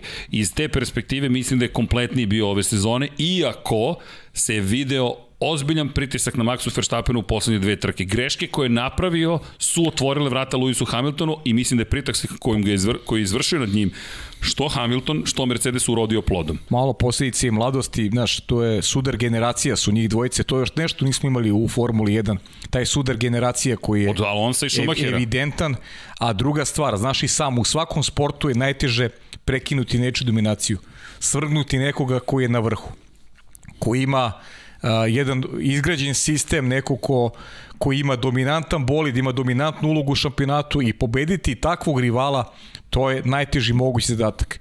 I, i, i sve te komponente kad se uzmu obzir zbog toga kažem a, a, plus učinak njegov tokom trka, zato mislim da je, da je za nijansu pokazao više i da je, da je popuno zasluženo došao do trofeja.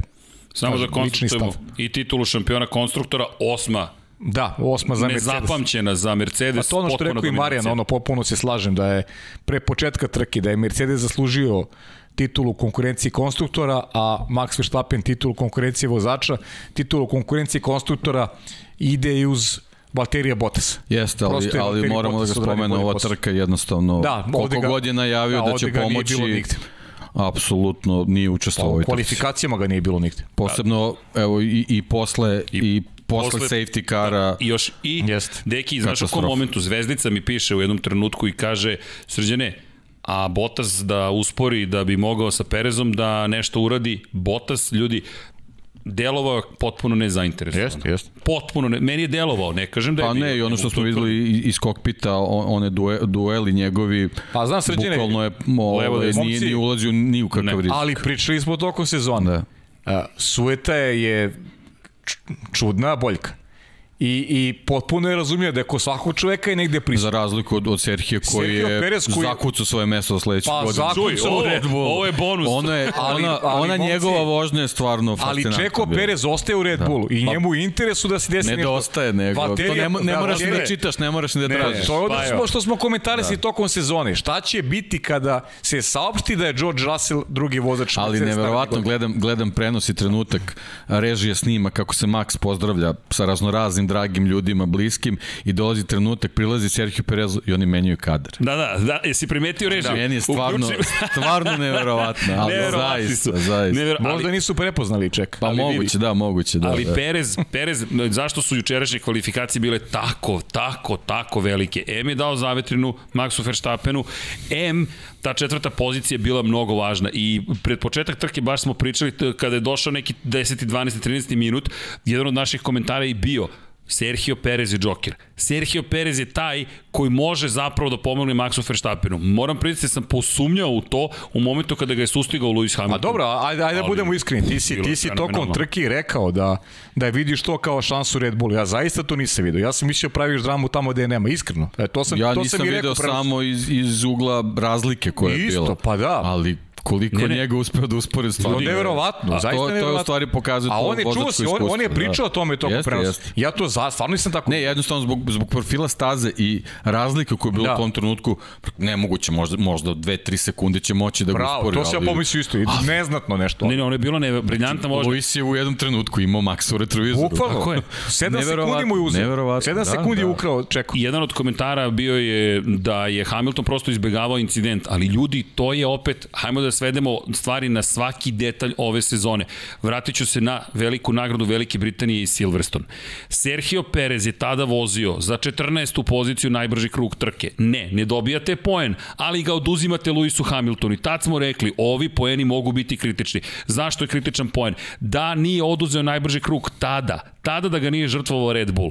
Lewis Hamilton bi imao prednost u poslednjoj trci sezone. Lewis Hamilton bi mogu da uđe u duel. Tako je, može da. da uđe u duel i može da se brani i da kaže, ba baš me briga, ako hoćete kontakt, imaćete kontakt. Ali on to nema i ne treba to svoditi na Verstappena ili Pereza. To je posledica svakog poena i svakog detalja. Red Bull zaslužuje čestitke za potez iz Silverstona koji smo svi zaboravili. Pa, bilo je još tih detalja, bilo je, ne ali sigurno. meni je taj Silverstone ostao simptomatičan zašto? Zato što u tom momentu Perez gubi poene. Azerbejdžan. Azerbejdžan Tako Pobjeda. Da li bi Luis pravio onu grešku koju je napravio u restartu da, da, da nije bi imao duel sa Čekom? Jeste. Veliko pitanje. Jest. Veliko pitanje. I dolazimo... Čit, čitavu da. trku. Čitavu trku pravio bio, problem. Jeste, bio zagljen. Čitavu trku pravio, tako je, pravio bio zagljen za čekati celu trku. I dolazimo do nečega, samo bih spomenuo jednog gospodina, prošle nedelje je rekao do 24, donirao i 100 dinara, pa još 100, kaže, sledeće godine dominira Perez. Vala, kako je vozio, ne očekujem baš dominaciju, ali bio odličan. I zašto sam mislio da će Perez možda biti džokir? Raz, bukvalno sinoć moram priznati, u, pa Pajna priča, izvinite ljudi, digresija ali kratka. Paja se čuvao 7 dana. Hoćeš da podeliš ovo? Pa hoću, da, jesam, stvarno, to, to sam rekao negde i, i u studiju. Ja to inače nikad ne radim, ne, nemam taj problem. I ovo kad je COVID krenuo, ok, čovjek se pazi, ali ne razmišljam o tim stvarima. E, nekako život ide i pokušavaš da živiš normalno. Ne, ne, mislim, ne opterećeni su u smislu sada ima da se zatvorimo u kuću i ne idemo nigde, ali ovih 7 dana sam živao ko u konzervi, zaista. Nisam tu da idem nigde, samo sam se plašio da se nešto ne razbolim, da ne propustim ovu trku. To mi je bio light motiv svega ovih prethodnih 7 dana. I stvarno sam živeo kao u konzervi. Kuća posao, kuća posao. I to su bile sve aktivnosti. Zašto? Pa zato što je ovo, ovo, je, ne, ovo je za mene, e, dugo se bavi novinarstvom. Ja sam dugo radio u pisanim medijima. Meni je ovo najveći događaj e, u mojoj karijeri komentatora. Uh, imao sam neke velike događaje dok Upalo sam radio... nešto ček. Da, imao sam neki, neki događaje velike dok sam radio ovaj, kao, kao ovaj novinar u pisanim medijima, ali ovo je, ovo je, ne znam, za sada vrhunac ove komentatorske karijere i neki najvažniji događaj kome sam prisustvovao kao, kao komentator i, i prosto nisam želeo to da propustim. Ljudi, to je to. Paja se ne čuva, ni od čega. Ne, ne, bukvalno. Sedam dana, ja ga zovem iz biblioteke, kažem ovde sam, iznajemljem neke knjige.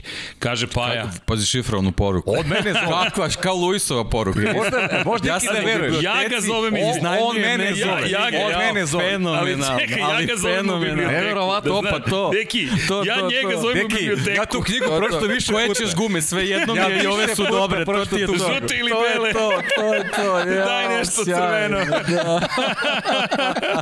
I ja ga zovem i on kaže ne, ne, ne, ne mogu da dođem. Još njegova omiljena biblioteka. Pa Da, to, ma ništa, ma ne, ne, bukvalno imenom i prezimenom Ništa. njegova omiljena. otvara vrata nogom. Na to, nogom pa tamo ga znam, ima svoj, svoj, svoj astal, ajde tako da kažem. I kaže ne. Ovako sam- ovako sam ga odjavio, ja ovako. ja u šoku, ja koji ne idem u biblioteku, nepismen čovek, dakle, ne čitam redovno i Paja kaže, matori nema šans. Ja kažem, važi. Ma ne, na keca, ovako je. I sa danas sam saznao zašto. Respekt, Dakle, potpuno. ljudi, bukvalno se čuva zašto, zato što ovo jeste Pa ne, jedan od onih dana koji se ne. pamti. Da Pazi, ne, ne, ne, da Deki, danas ne. 11 godina nisam propustio ni jednu subotu, ni jednu nedelju. I zaveo sneg metar jutro. i razmišljam, i razmišljam kao, zamisli propustim ovo. Pa ja, ne, ne, nema I šta. da Ne. zakasnimo na Formulu 2. Jeste. I jedan i drugi. Nikad nam se ranije nije desilo da nema jednog ili da nema drugog. Jeste. Nikada. Dakle, ja sam taj koji stalno negde, MotoGP, studio, Ali vidiš, to, to je ta moderna Formula 1. Nekad vi biste sad imali jutro trku u četiri. Ne da ne biste stigli, nego... Da, da. Ne, vidi. ko zna, možda i bismo tad stigli.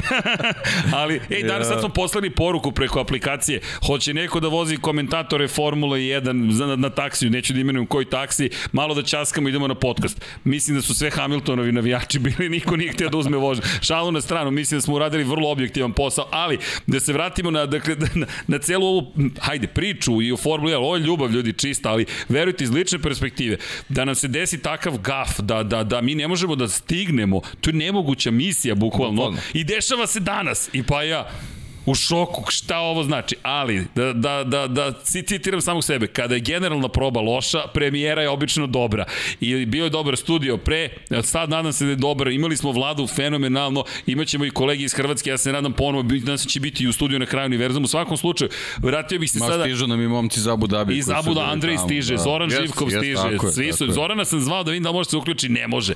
Elem, i, i kada pogleda, evo ga Ivan Toškov, to Vanja, Ćao, daj Ivane, ćao, čekaj, Ivane. daj Patreone, ljudi, da se zahvalimo, patreon.com kroz Infinity Lighthouse, ko želi da nas podrži, ima mogućnost, 1, 2, 3, 5, 10, 15, 20 eura, ako neko želi više, nećemo se buniti od toga. I imamo studiju i možemo da funkcionišemo. I hvala brzo za one koji su prvi put sa nama, malo će potrati, ali će biti brzo.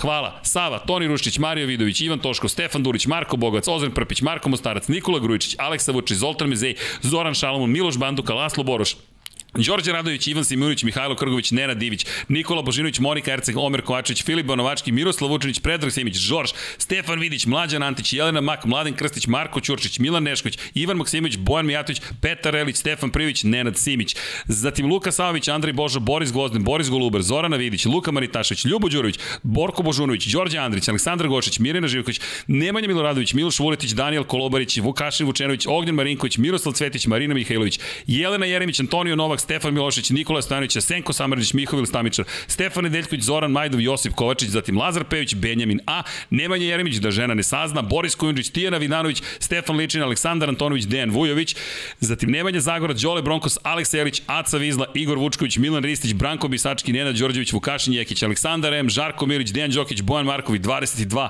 tajna pokrovitelja. Aplauz za sve vas. Bravo, Hvala bravo ljudi. ljudi. Udrite like kogoda je sa nama trenutno, udrite like, subscribe, to pomaže algoritam, to lepo onda izvrti i onda dobijemo još veću, jel te, gledanost. Inače, ima puno donacija među vremenu, samo što se tiče Serhija Pereza, povučeš potez, koštaš Serhija Pereza poena u Velikoj Britaniji, oduzmeš jedan poen i promeniš taktičku poziciju koju Lewis Hamilton ima. Tako da je svaki taj najbrži krug bio veoma važan, o tome smo pričali cele sezone, jer ti u suprotno možeš da uđeš u duel ovako, ne možeš da uđeš u duel. I taj duel koji je vodio Čeko Perez je bio neverovatan. Dobro, ali, Iskreno. Ali mora se ogradi malo. Naravno. Mora Čeko da bude konstantniji sledeće godine mora bude konstantniji zbog sebe pre svega, jer, jer mi pričamo... Dobro, to sad kreće nova igra. Tako je, tako je, tako je kreće nova igra. Ovo danas je bilo da je bio, zaista da je fenomenalno. Da je bio konstantniji, možda ne bismo imali ovako završnicu. I to je tačno. Opet, s druge strane, ovo što je danas uradio je bilo fenomenalno, ali to nije pa, nikako to bilo... To pokazuje u stvari kakav timski igrač može da bude, Jeste. koliko iskusan i koliko može da Ali, bude brz. Ali, deki, složiš se, nije bilo, moglo je da bude vrlo bitno za trku, da nije bilo greške Maxe Verstappena, međutim nije uticalo da, nije uticalo na trku ni malo. I sad, da spomenem par stvari. Dakle, Petar Nujić, navijač sam Ferrari 1996. donirao čovjek 20 eura, hvala vam. I svejedno mi je tko bi bio prvak, ali ovaj Masi je cirkuzant. Pa, tačka. Slažemo se. Amin, amin. Amin, Petre, amin. nemamo ništa da dodamo. Aleksić 989, donirao je 500 dinara čovek. Max, kada se sabere i oduzme zasluženu s katastrofalno suđenje tokom cele sezone, pa je okada i šta ćeš da tetoviraš, pozdrav svima. Ja moram da vas korigujem, Paja sada ništa ne tetovira. Da, Verstappen nije osvojio titulu, Paja bi se tetovirao. Ovako, nema tetovaže. Pritom ta opklada nije važila za ovu godinu, nego generalno sam rekao ja da će... Ja sam tipao prošle da će biti šampion. Da, ja sam rekao ali... da će generalno Max biti šampion, je. pa je, ali ako će onaj s kim se kladio biti srećan, ako se ja tetoviram, ba mislim nije, nije problem, ja ću to da uradim. Inače, Ivan Stanočić 100 rubalja donira, ako se ne vrtam. Ovo je prvi put da dobijamo rublje. Hvala. Hvala ljudi. Hamilton nema pravo da dodaje oduzima gas pet puta kada se udalji safety car i time tera Maxa na preticanje. Lako odbijena žalba. Hvala. Inače, Racing Skills donira dve konvertibilne marke. Pozdrav za Racing Skills, za Paju, legendarno. Sedam dana se čuvao ništa, respekt. Ništa, ove, ove dve konvertibilne u biblioteku. Tako da... Okay. I okay. prepremamo biblioteku za Lab 76 broj 100. Inače, Zvonimir Papić donira 25 hrvatskih kuna. Momci, svaka čast i lijep pozdrav iz Zagreba. Pozdrav za Zagreb, pozdrav, Zvonimira. Pozdrav, pozdrav veliki. Zvezdica nam nije danas u Zagrebu, ali uključit ćemo se ovih dana. Mislim da ćemo još Zvezdica je tu, vratila da, nam se, bila u studiju danas, da. U svakom slučaju, eto, pita neko da li čitamo sa superčeta. Stig, čitamo ne, samo sve da ćemo da ljudi polako, polako, da brinete. Ne žurimo nigde. Dok sam ja ovo izgovorio, stiglo je još donacija, tako da hvala. Ne, ne, da, dakle, inače Marko Tadić, 1000 dinara a niko ne spomenje velikog Mika Šumahira koji uspio da sačuva tatin rekord. Nateraš da, Latifija da prljavi deo stazi sve ostalo je istorija. da, Miki je to tačno isplanirao. Ako sada ja izvršim pritisak nad Latifijem... Pa tako su pričali za Gloka isto, kad je Kad je e, praktično je oduzeo titulu Filipe u masi. Pa ne, to, to uvek će biti to, te pri, to, je, to je još jedna, još jedna priča pa, bila danas. U ovoj sezoni će se pričati za uvek, da, kao i u 2008. godini. Kako spomenete tima Gloka, navijači Ferrarija se ne kostreše. Pa to je, ne, Filipe Mase takođe. Nekom je, kako je, kako je bio komentar, nekom je, nekom je Timo Gloka, a nekom je Nikola Latifi, to je, znaš, To je to. To je to, da. To je to, ali vrti se krug ljudi. To je jednostavno pa to je, to je Pantarej to je, to je život. ide u krug. Nekad Posebno dobiješ, sportu, nekad izgubiš. Ali pazi, ovo je šesti put bilo da se Lewis Hamilton u poslednjoj trci sezone borio za titulu. I, Dva pa, puta je pobedio, i nema, četiri nema, puta nema izgubio. Uspeha, da, četiri da. puta je izgubio, da. Pazi, on je mogao 11 titula potencijalno da ima. Schumacher je imao pet ovakvih trka, dobio je dve, izgubio tri. Pa ali opet i taj podatak jasno govori pa, da, ali koliko traje je mogao 99 se bori za titulu da nije slomio nogu. Jest. Tako, mislim... To se sve vrti u krug, ne. Sad kad da. krenemo, ali, nema šanse da raščivija pa, mislim, ne, samo konstatujemo slučaju ne, ne, sve u redu. Jasno, šta misliš, šta, ajde, realno, šta bi bilo da nije slomio nogu?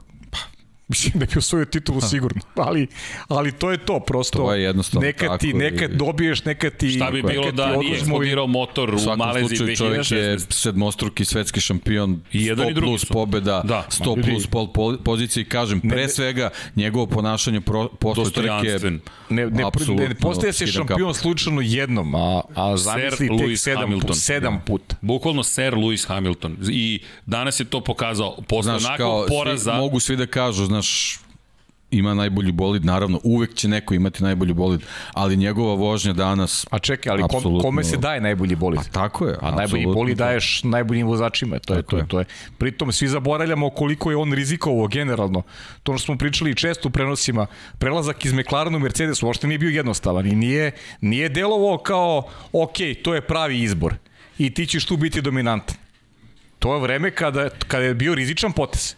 On je rizik preuzeo i iz tog rizika je stigla jedna dominacija, jedan profit generalno njemu kao, kao vozaču i benefit u smislu tog broja osvajanja titula. Tako da je to i za neke buduće generacije ovaj neki neki ovako jasan e, pokazatelj, u stvari neka smernica da da nije sve crno i belo, nego a, nije samo staza, nego ti mora da donosiš dobre odluke kada je u pitanju odabir uh, tima, uh, sa kim ćeš da sarađuješ, sa kim ćeš da voziš, uh, ko, ti je, ko ti je deo ekipe. To je jedna kompleksna priča. Nije samo sedniš u bolid i voziš, već prateći stvari su mnogo važne. A mislim da tu počinje i geneza ovakvog Luisa Hamiltona, da je on u Mercedesu prosto se promenio.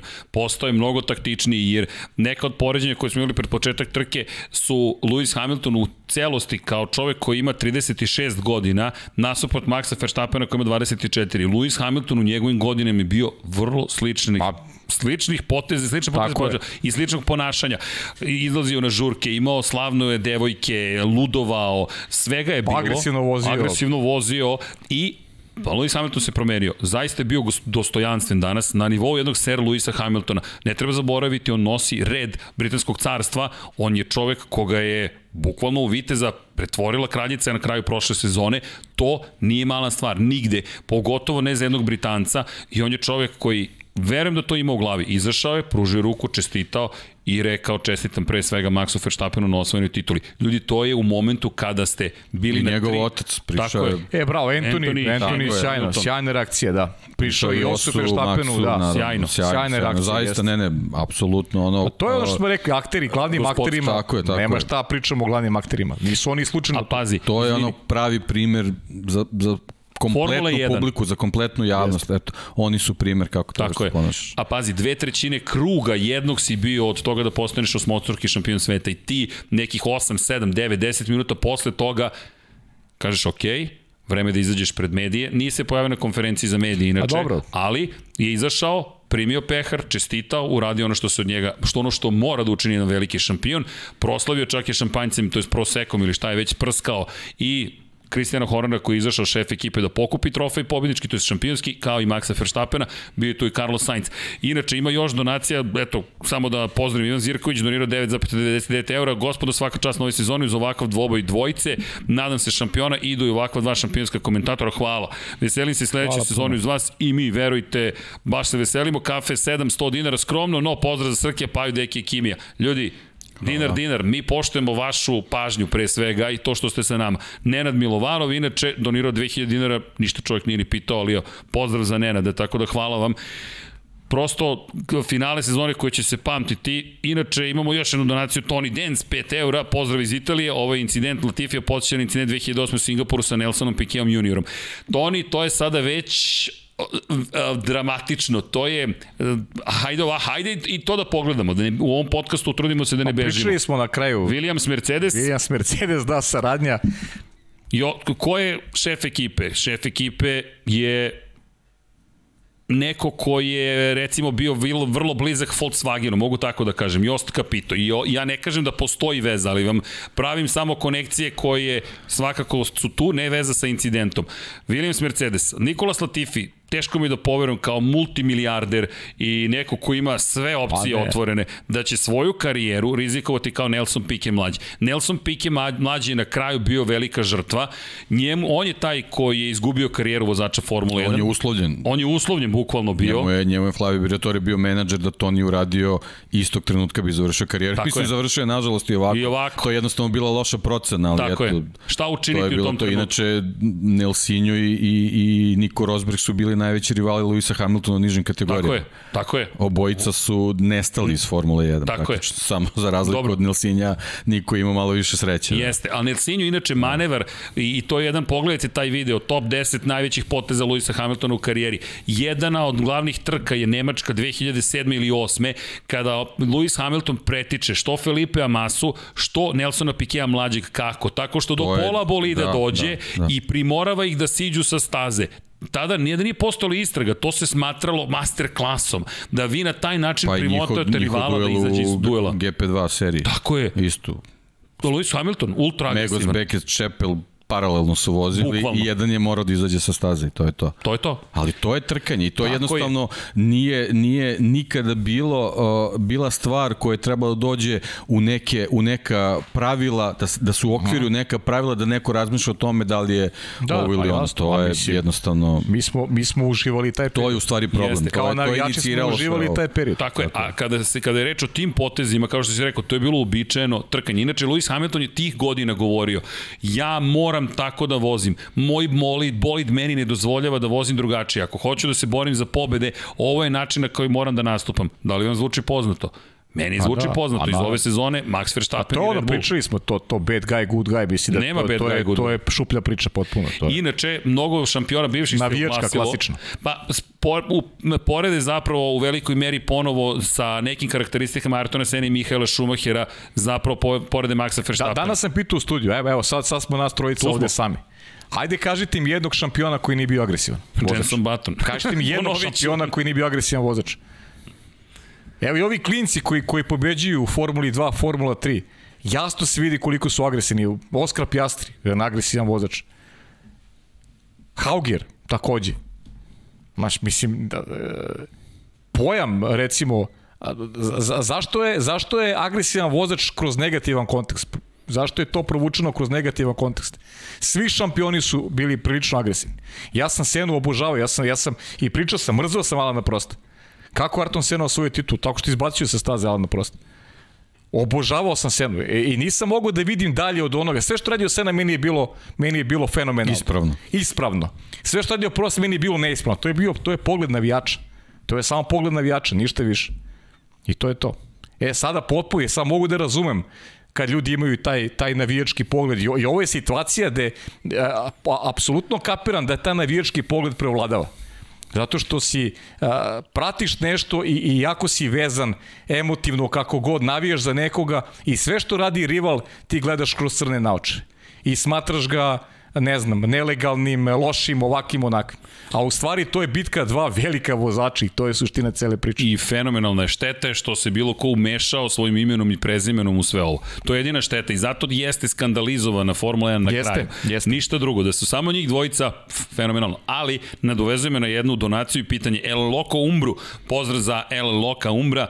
10 kuna je donirao čovek, da li se Liberty Media ovde šta pita, pozdrav iz rijeke. Mislim da upravo dajete i odgovor Sve se pita Liberty Media. Ljudi, upravo ste prisustvovali događaju, ja ne znam koja će biti gledanost, ali zamislite na globalnom nivou, pri čemu želim da vidim na društvenim mrežama, nemam trenutno pristup alatima za analizu društvenih mrežama, trending topics, nešto mi govori da je Formula 1 broj 1 na Twitteru, Instagramu, Facebooku, TikToku, YouTubeu, e, birajte. Šta god kačite, stavite tag Formula 1. Ne, stavite tag Lap76. Ili dakle, to, da. hashtag vam je Lap76 i to je je podrška takođe nama. Inače, juče smo mi doživjeli veliku čast. Midor Kotor čovjek okačio na, na Instagram hashtag Lab76 Infinity Lighthouse. Samo ako Just. padnete u nesvesti i kažete ok, ok, šef ekipe Leoparda, bivši direktor Ferrarija, logistike to uradi, hvala mu. I, i on nas gleda sada, sigurno. Tako je, tako, pozdrav za gospodina pozdrav Kotora. Pozdrav, pozdrav, da, veliki, veliki, ali veliki pozdrav. Da, inače, Rado Šimić pita, donira 250 dinara, mislite da je kraj sezone ili očekujete neki epilog žalbe? Šteta ne, što ja, ćemo... mislim, ja mislim da je kraj sezone, ću kratak. Da, inače šteta što ćemo prva titula ostati zabeležena na ovakav način, PS, hashtag LH44. Cenim da navijate za Luisa Hamiltona, E, što se tiče kraja sezone, mislim da će biti još žalbi, ali mislim da se neće promeniti da, pa mislim ova da, odluka. To, to. I još jedna stvar, mislim da znate kako, e, da li je šteta što mu je titula zabeležena na ovakav način? Ja mislim da nije. Sad ću sad da, kažem zašto. Zato što zaista su nijanse između njih dvojice. Bukvalno su nijanse i još jedna stvar. Ako ste navijač Luisa Hamiltona, sedite, razgovarajte sa navijačima Ferrarija i zapitajte ih da li misle da je prva titula Luisa Hamiltona obeležena na neki način. Prilično sam siguran u odgovor koji ćete dobiti. I dan danas kruže teorije zavere da je Timo Glock pomogao Luisu Hamiltonu. Iako Tima Glocka kada pogledate kraj trke, svi se bave momentom preticanja, nema nigde na onom brdu.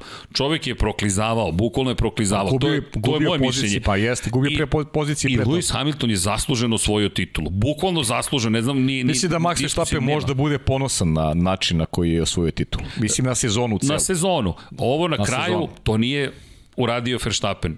E, ni ono pre toga nije uradio Hamilton. Dakle, ovo opet nema veze s njima dvojicom. Tako ja da... kažem, meni ovde najspornija uh, informacija koju smo dobili je da vozači koji kasne za krug ne moraju da obilaze, Naravno. a onda posle toga moraju. Ali to je nešto što uh, generalno nema, nema neke posebne veze sa tom čitavom situacijom ali to, to je nešto što jednostavno ta, taj, ta var soba ni u jednom trenutku nije, nije smela dozvoli sebi da takve stvari pušta u etar. Ono što je činjenica, Lewis Hamilton je bio brži od Maxa Verstappen na ovoj trci.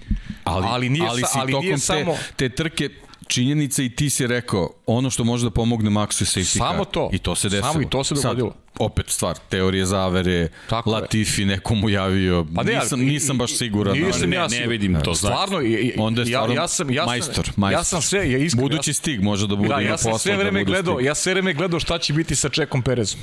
Takva je sezona, prosto, znaš, ti, ti pokušavaš da pronađeš sva sredstva u finišu da dođeš do šampiona, do, do, do titule.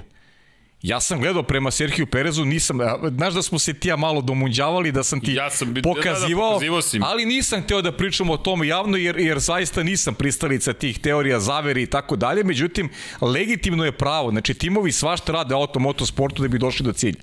I to nije, to nije ove godine, to je to postoji od vajka da postoji. Ja mislim... Međutim, e, to se nije dogodilo.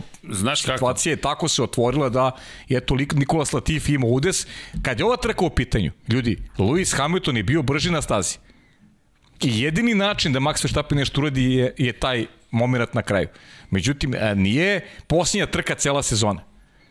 Mi ovde sada analiziramo celu sezonu i gledamo, gledamo prizmu svega onoga što se događalo od početka godine.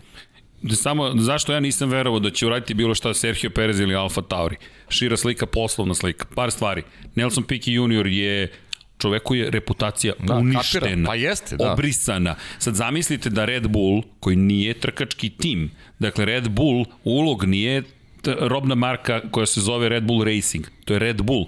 Zamislite da nešto urade što će kompromitovati sve ostalo što rade. Nema šanse. A da li te vodi racio u, u, u sezoni u kojoj su snage izjednačene, e, imaš često i osjećaj da, da, da nisu postavljene kako treba, da li te tada vodi racio?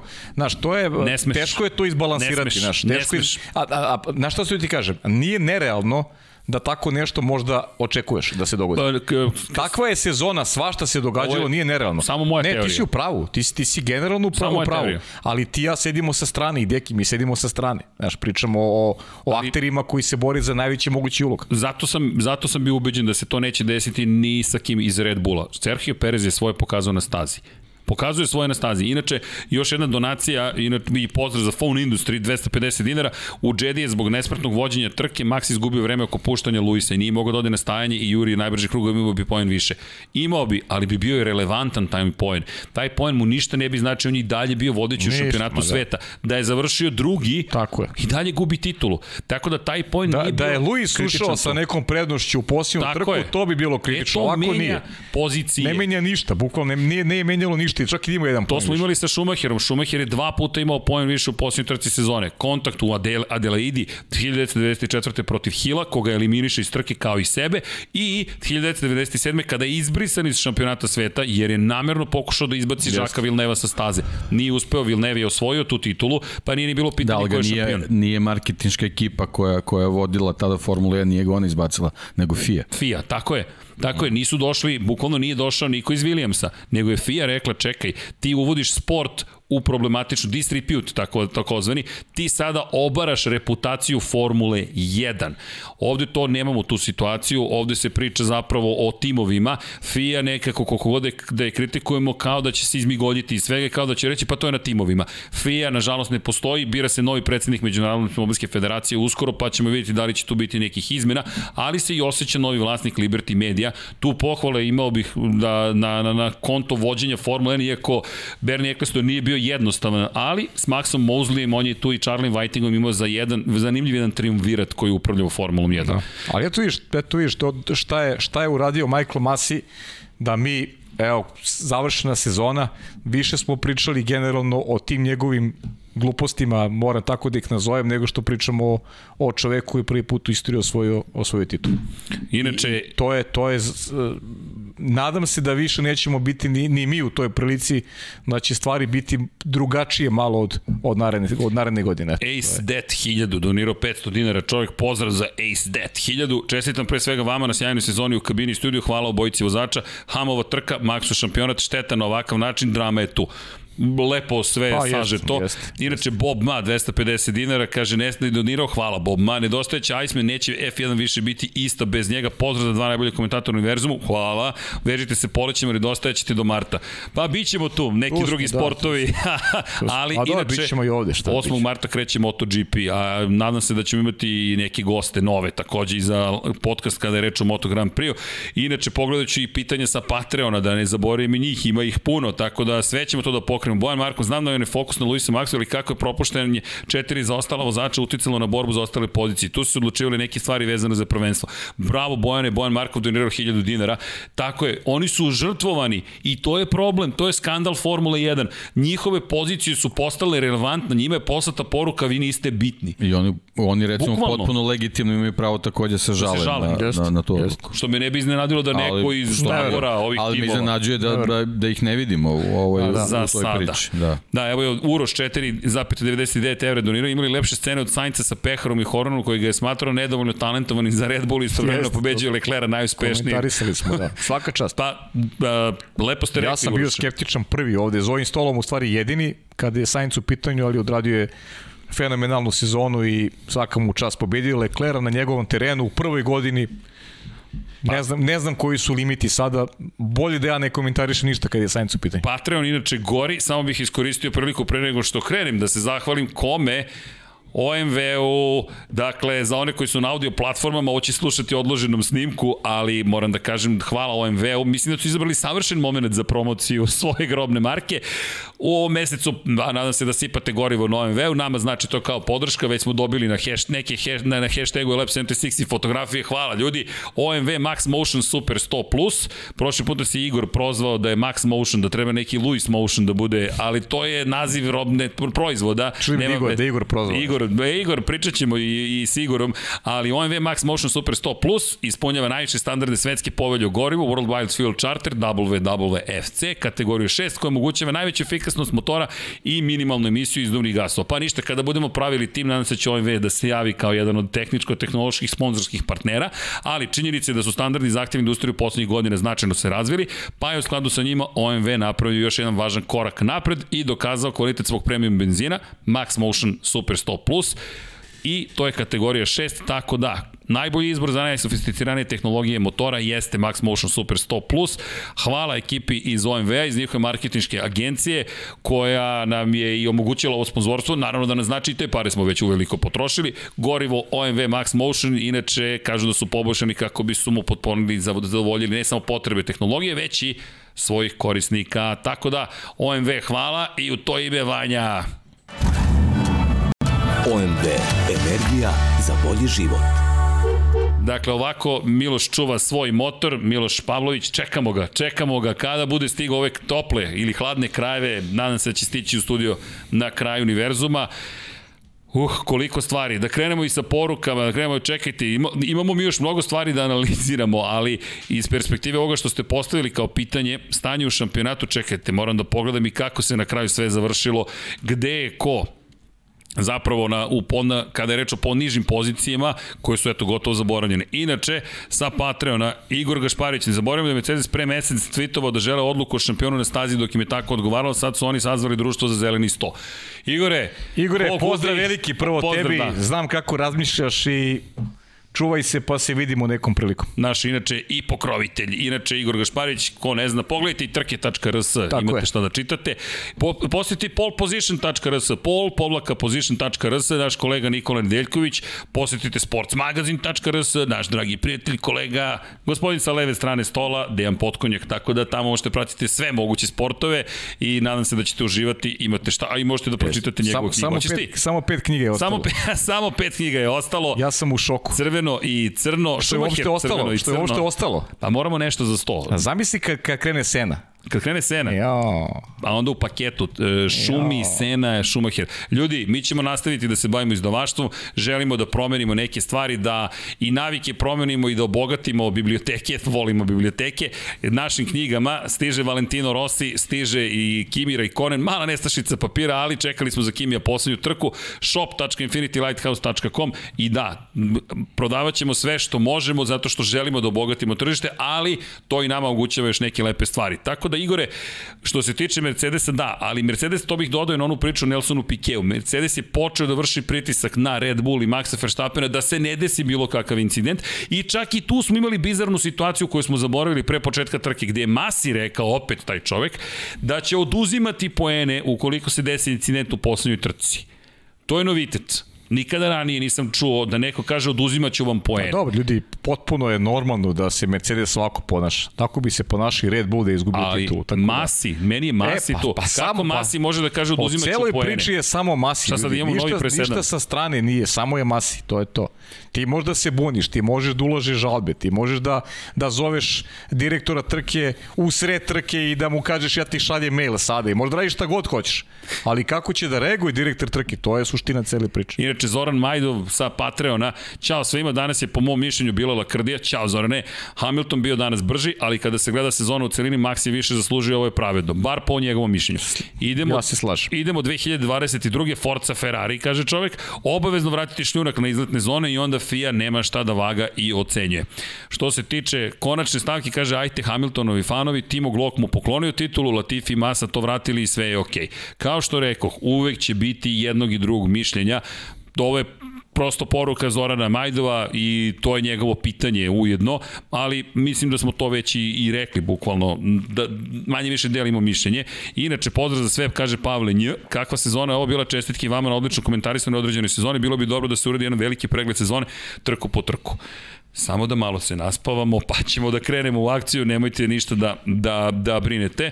Ima tu još poruka, inače, E, Prelić kaže pozdrav ekipi, a uh, šta reći za celu sezonu, neverovatno. Moram da pohvalim Srđani Paju za svoj komentarisanje, ovakvu sezonu se napraviš većem.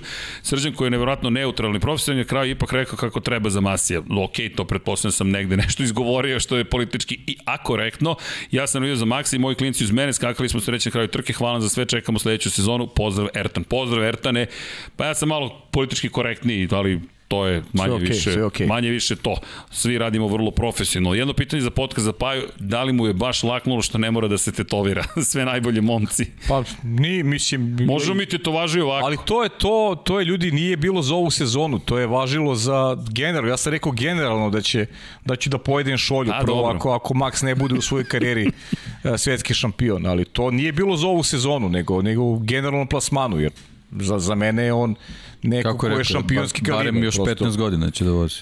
Pa da, dakle u tih 15 godina I to sve u Red Bullu. Kad napuniš 40 pa da odlučiš šta ako se neko, ako pa da. će nekom baš značiti moje tetovaže, mislim možemo da pričamo Vidi, a možemo i lažne tetovaže.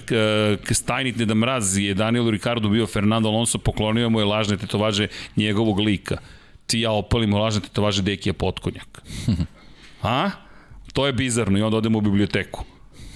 A vi momci mislim Ja mislim ovde. da bi prvo morali da idemo u biblioteku pa da onda vremo te tetovaže. Misliš samo posle biblioteke može da padne ta tetovaža. Dobro. Pa da, nadam se, nadam se svako slučaju da nećemo baš morati, ali eto, imate zanimljive ideje, a nama onda padnu još zanimljivije ideje. E, još je stiglo i pitanja i donacija pa, naravno, i dobro, svega, pa eto da iskoristimo uh, Ivan Stojčić, jeste li slušali prenos zadnjeg kruga vaše kolege iz Holandije, izdahnuo je čovek u mikrofon, bukvalno, pa, vi ste cari, da hvala, 100 rublja je ponovo donirao pa, Ivan. Zamisli da mi jednog dana komentarišemo Stani. Filipa Jenića u, u posljednjoj trci gde se bori za titulu. Evo ga. Molim vas, kačket koji je potpisao Filip Jenić. Kao što možete vidjeti po rukopisu, Ta, tada bi još bili sigurno, sigurno bi bili navijači Tako i to da, veliki. I neko nas je pitao za koga navijamo. Za Filipa Jenića, za Miloša Pavlovića, za sve momke i devojke sa ovih prostora, ko gde god da su, Martin Kordić, Kodrić, dakle, navijamo za, za svakog, Martina Vugrineca, kogod da je sa ovih prostora, imaće našu podršku, navijaćemo da uspeju u karijerama, postanu šampioni sve tako se to desi, tada ćemo navijati, navijamo da Filip Jenić dođe do Formule 1, da bude šampion Formule 1, e onda Pa možemo i mi da izdahnemo u mikrofon. Mogu da zamislim holandskog komentatora i britanskog komentatora kako je to različito raspoloženje bilo. I... A zamisli nas u toj situaciji. Pa, ne, pa, pa, pa kažem, gasi ne, mikrofone, ne, pa, motaj da kablove, da sve je u redu. Da, inače, da, da razbiješ nešto u kabini, bukvalno. Pa, bukvalno, a Ivanho 0.13.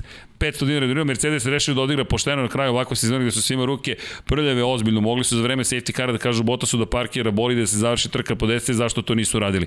Pa isto kao i Red pa Bull što je mogao. Kao za Pere što je, da, Ljudi, da, ista reputacija, priča. zamislite konglomerat zvani Mercedes, AMG, zamislite Daimler. To Daimler. samo Flavio Briatore radi. To samo Flavio Briatore bukvalno radi to. I rest my case. Flavio, ne ali, čekajte, da, deki, da, ako deki budu neke spominje... buduće priče zašto ne treba da bude i tako dalje. Deki ne spominje pominje Flavio Briatore, de, ljudi. Deki velike poštovalac. Tako je, ali Flavio je uradio mnogo stvari koje su bile na granici, ali su bile u okviru nečeg što možete da prihvatite. Ali je čovek organizovao nameštanje pobede tako što je naredio svom vozaču da se slupa u određenom trenutku u Singapuru 2008. Ali, ali mislim, mislim, da, titule, mislim da kapiram pobeda. čoveka. Pobeda, ni čak ni titula.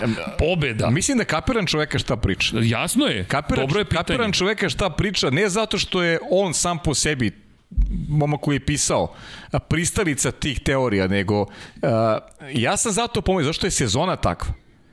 Da imamo, imamo koje kakve Znaš šta? E, gluposti od Michaela Masija i svašta se dešavalo da, da prosto i tu može da prođe neka takozvana rupa u zakonu da, da napraviš nešto što, što bi neki deo, jedan deo javnosti odobravao i rekao, ok, to je ispravno ovakvoj sezoni. Znaš, Pazi. Ne, ne bi u globalu došlo na, došlo na osudu. Deki. Zato mislim da je to pitanje da je to pitanje Super dobro. Super je pitanje, Znaš. a Ivanko je dobro pitanje postavio, nego samo isti odgovor, reputacija Daimlera Zamislite da su to uradili. Ne, ne, ali, ne, to, to, to je nezamislivo, ljudi, pa ne, nezamislivo. Sve, sve okej, okay, sve okej. Okay. Ali, ali, ali, Slažemo se tu. Deki, nemoj ovo da slušaš. Hvala Flaviju Briatoreu.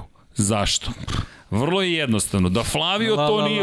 Slušaj, ne, ne, ne, ne, ne, slušaj, slušaj teoriju. Da Flavio to nije uradio. Deki zovute. I da nisu diskvalifikovali Nelsona Pikea, mađeg.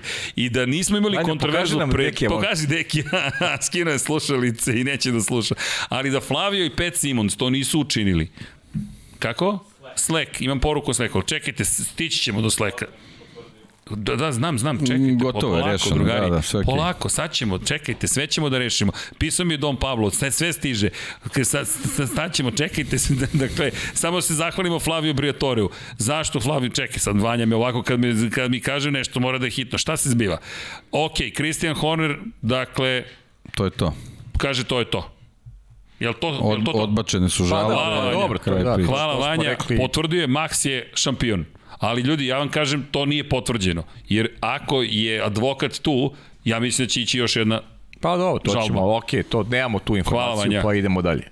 Dakle, nemam pojma ni gde sam bio. Ali, da, Flavio Briatore. Flavio Briatore, hvala mu. Zašto? Hvala zato što smo došli u situaciju da sada niko ne sme da rizikuje da povuče taj potez, jer zna koje su posledice. Zna da ćeš biti osramućen i izbačen iz Formule 1. Flavio Briatore je bio najpre trajno izbačen iz Formule 1, Pet Simons takođe, skinuti su im zabrane posle nekoliko godina, Nelson Piquet nikad se nije oporavio, iako je bio šampion kasnije u drugim kategorijama. Pa, da.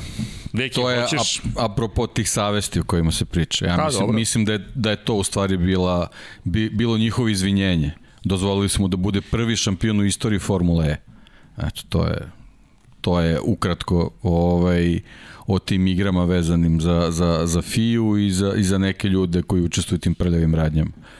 Tako da i dobio sve je jasno, svoju tako je, titulu tako negde je, kasnije tako na je. nekom drugom mestu, ali opet, zamisli sada da je neko od njih povukao taj potez i da je neko rekao, ok, to je van sportskih pravila, prekršili ste ono što je duh Formule 1 i sad zamisli da neko kaže, Toto Wolfu zabranjeno ti da priđeš Formuli 1, a Mercedes mora da objašnjuje zašto je njihov izvršni direktor jedne ekipe takav potez povukao i obrnuto Christian Horner, kome verujem da bi se Dietrich Matešić zahvalio instant i rekao nema potrebe više da budeš ovde. Tako da ne, nije to tako lako. Svi misle da je uzmeš namestiš. Ne, ljudi, postoje posledice. Zato masivo ponašanje takođe mora da dobije neke posledice. Neće ih biti, ali bi savršeno bilo da neko kaže ne. Ne možeš više da budeš direktor trke, ne možeš više da utičeš ovako na sport, jer doći ćemo u situaciju da je ovo onda samo cirkus. Da nije bitno šta se sve događalo dokle god je neizvesna poslednja trka. Ne hvala. Ovo je sport i nije pojenta samo FIA da bude u sledećim zabavno. danima u FIA moraju da sednu i da, i da dobro razmisle kakva je njihova ul- uloga u čitavoj priči. je. Na kraju krajeva ovo je takmičenje pod Međunarodnom automobilskom federacijom bez obzira kako se zvao organizator tog Tako je. takmičenja. Tako da FIA mislim da, je je, da njima, na njima su sledeći koraci. Na kraju krajeva taj Michael Masi nosi košulju sa finim bedžom. Jeste. Ne pišemo li Liberty Band nigde. da.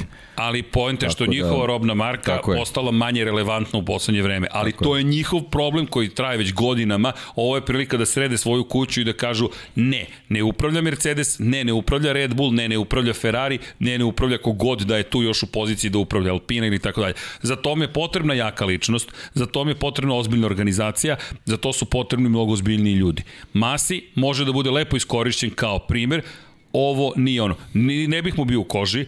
Žao mi je što se našao u toj poziciji, jer mislim da je prevazišla njegove trenutne sposobnosti. Da li bi za 10 godina bio mudri, zreli, pametni, nećemo A saznati. ne, me- meni ga nije žao zaista, zato što e, čovek treba da treba si svestan šta Sa može, prvom šta ne može. pravilnom znaš. odlukom je mogo da izgradi svoj je, autoritet. za, za, zašto, zašto bi mi ga bilo Tako žao? je. Nemam razloga da ga žalim uopšte. Znači ti si se uhvatio, uhvatio se nečim u koštac i nisi dorastao. I to je to. Mislim, nema...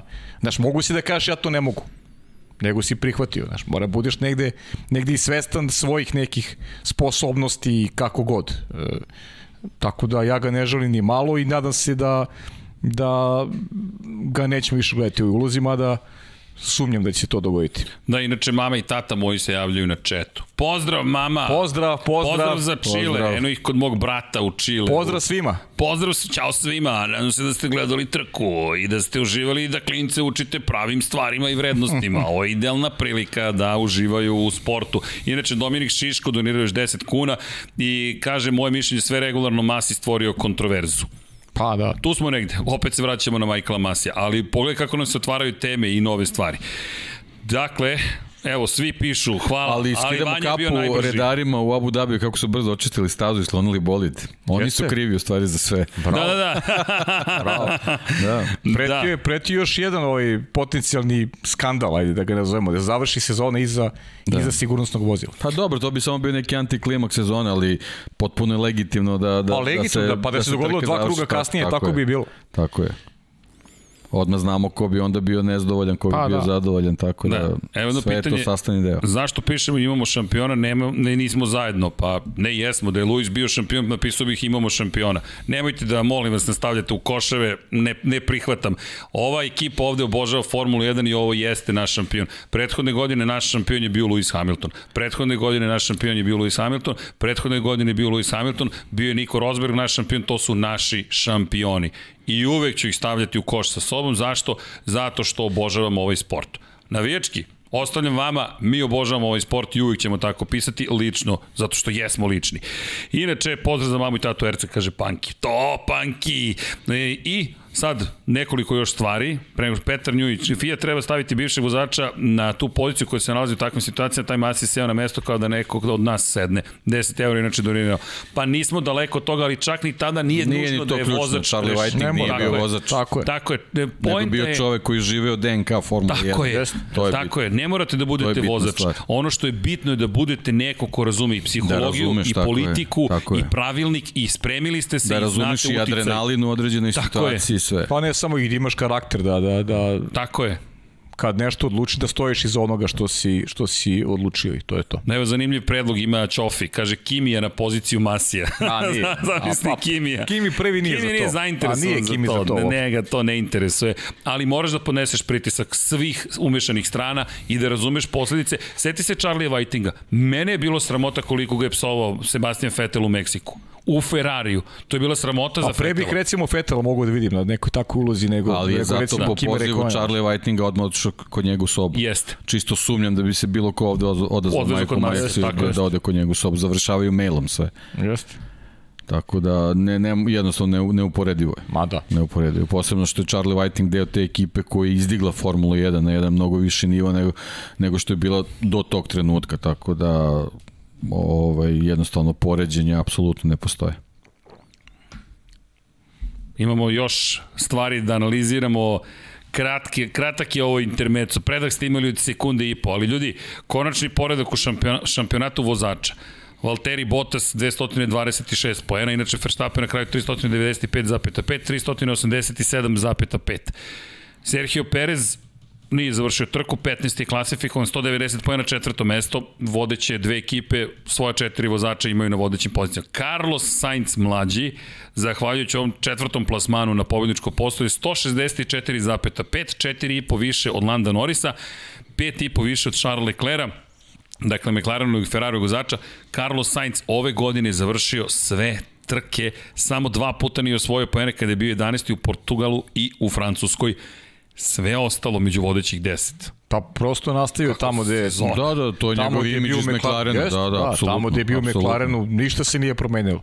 Ništa se nije promenilo, dakle, Ovi njegovi rezultati vožnja, su samo ovaj prst na čelo Charles Leclerc, samo koji napravio ponovo ogromnu grešku. Pa i, znači, i pravi neverovatan trenutak dekoncentracije, zaista. Da. Zaista, jeste brz, apsolutno Bravo, sve stoji. Bravo, to ste on jeste i brži ali, generalno, ali, ali, ali mnogo, nije mnogo trenutaka dekoncentracije, da sve si lepo rekao. Ne, za da- žute minute. Da, da. Da, inače, Lando Norris, da, da nije bilo, evo, može i on da se žali na Botasa, eliminacija u Mađarskoj, možda bi sada bio na toj ja petoj poziciji. Ja sam na Landa tipovi za ovu trku, žao mi je što, eto, što ima taj problem sa menjačem. Pa I dobro, menjač, da. menjač, verovatno, da. verovatno ima malo doprinos s tim startom, da, nešto se tu desilo, ali ovaj, nekako mi je delovo da mi je raspoložen za ovu trku, ovaj, eto šteta. Imaće veliku ulogu narednih godina Landa. I Charles Leclerc, kao što si već rekao, tu postoje neki problemi u konstantnosti. E, to ne, ne, mora, pričamo, to je, to mora, mora se radi na psihologiji, samo to je. E, to je ono što pričamo Monte Carlo, da. Jeddah, sad, mislim, to su velike, onako, Monca, prošle godine, tako, ove godine je bio okej, okay, da. Tako da ima tu, ima tu ovaj, stvarno neke situacije. Ok da on uradi u komentaru, kaže ja sam glup, ja sam uradio ovo ono, ali ok, preuzmeš krivicu na sebe, ali ti konstantno ponavljaš te greške i to, to je mnogo skupo. A, a da je brz, dovoljno, da je brz to stoji, međutim svi, svi su oni brzi. Jest. Svi su jest. oni brzi, tako da to mora da se promeni, ali mislim da je to stvar samo ovaj, brz je i pitanje da, je da li je konstanta za ono što Ferrari želi. Tipa a, njemu, da njemu, je, njemu je potreba neki Balbir Singh, neka Angela Kulen, znači nešto na taj način mora da, da, da uradi Misliš sa sobom. Da bi to rešilo? Ne, ne, mora definitivno mora da, da se ovaj pre svega psihološki stabilizira, očigledno da postoje tu, tu neki ovaj momenti koji ga sputaju u, u, u sekundi, ili znamo Formula 1 nije stvar minuta, nego trenutka. Ali imamo sledeću godinu. Ukoliko opet bude ovako bio na nekom nivou prosečnom, to je već, dolaze mlađi. Tako je, to je već znaš, ovaj, toliko luksuzu u Fer, Ferrariju ne postoji. Ne postoji, a ne Carlos postoji. Sainz se pozicionira kao neko ko u krajnjem slučaju može da bude jako dobra potpora ako dovodiš pa vozača se kako smo komentarisali kraj prošle, prošle sezone kako je Carlos gledao loše rezultate Ferrarija tako i je, tako kako je bilo gde ja dolazim. Gde ja dolazim, jeste. Očigledno da je on jedan bitan, bitan faktor koji je stabilizovao ekipu. E sad, ovaj, dalji, dalji korak vezan za performanse prvo na timu, ali ovo, ovo je pokazalo da ako se to desi da, da će Carlos biti prvi pik Momci, za, za neko mesto. kapu, da. apsolutno ste bili u pravu obojca za Carlosa Sainca i amin, svaka čast. Mo trebalo da mu tražimo tetovažu. Šta ti kažeš? Kasno si, kasno da. si Da, ne, do, dobro, samo mi je palo na pamet. Ima jedno pitanje za fantazi to, da kažemo, deki, ne smemo da zaboravimo, što se tiče fantazija, e, vodila je Šejla pred početak ovog poslednjeg kola Jel završila? Šejla Čebirić, naš novi šampion, šampionka, Stvarno? ali Šejla je to uspela, bravo, tako da Šejla čestitam, inače pokušavam da se ulogujem bezuspešno, prosto neće da se uloguje, ne znam zašto na hromu ne uspevam, ali da prođemo i kroz vodećih 10, hvala na pitanju, neko je pitao, ej ljudi, kad će analiza fantazija? Pa nećemo dugačku analizu praviti, ali da čestitamo Šejli, Šejla koja ljudi, mi sad nećemo otkrivati njen plan, kako je ona to sistem izgrade rekle meni, neću da ti kažem zašto, zato što ćeš ti da prijaviš kako ja to radim. U svakom slučaju nisam otkrivao, neću ni otkrivati. Sheila, Sheila inače radi za Red Bull, pa eto, cenim da će biti zadovoljna i ovom pobedom. Dvostruka pobeda, čekaj, Sheila je dvostruki šampion. I evo da pokušam da se ulogujem ovde, da li sam uspeo? Da vidimo ko je na fantaziju posle Šejle najbolji, ali čestitke Šejla, ako nas slušaš, javi se, ne moraš u chat, znamo da si stidljivija, ali, jesi u četu? Nije. Nema veze, piše Šejla negde i čestitamo u ligi zvaničnoj Lab 76, dakle dobijamo pobednicu. Šejla Čebirić, Master Blan, inače upečatljiva pobjeda, 4393,5 poena, momci prvo mesto. Stefan R iz Srbije, S21R01, 4359. Kakva dominacija. Znači nije bilo neizvesno kao između Maksa i... 4,5 poena.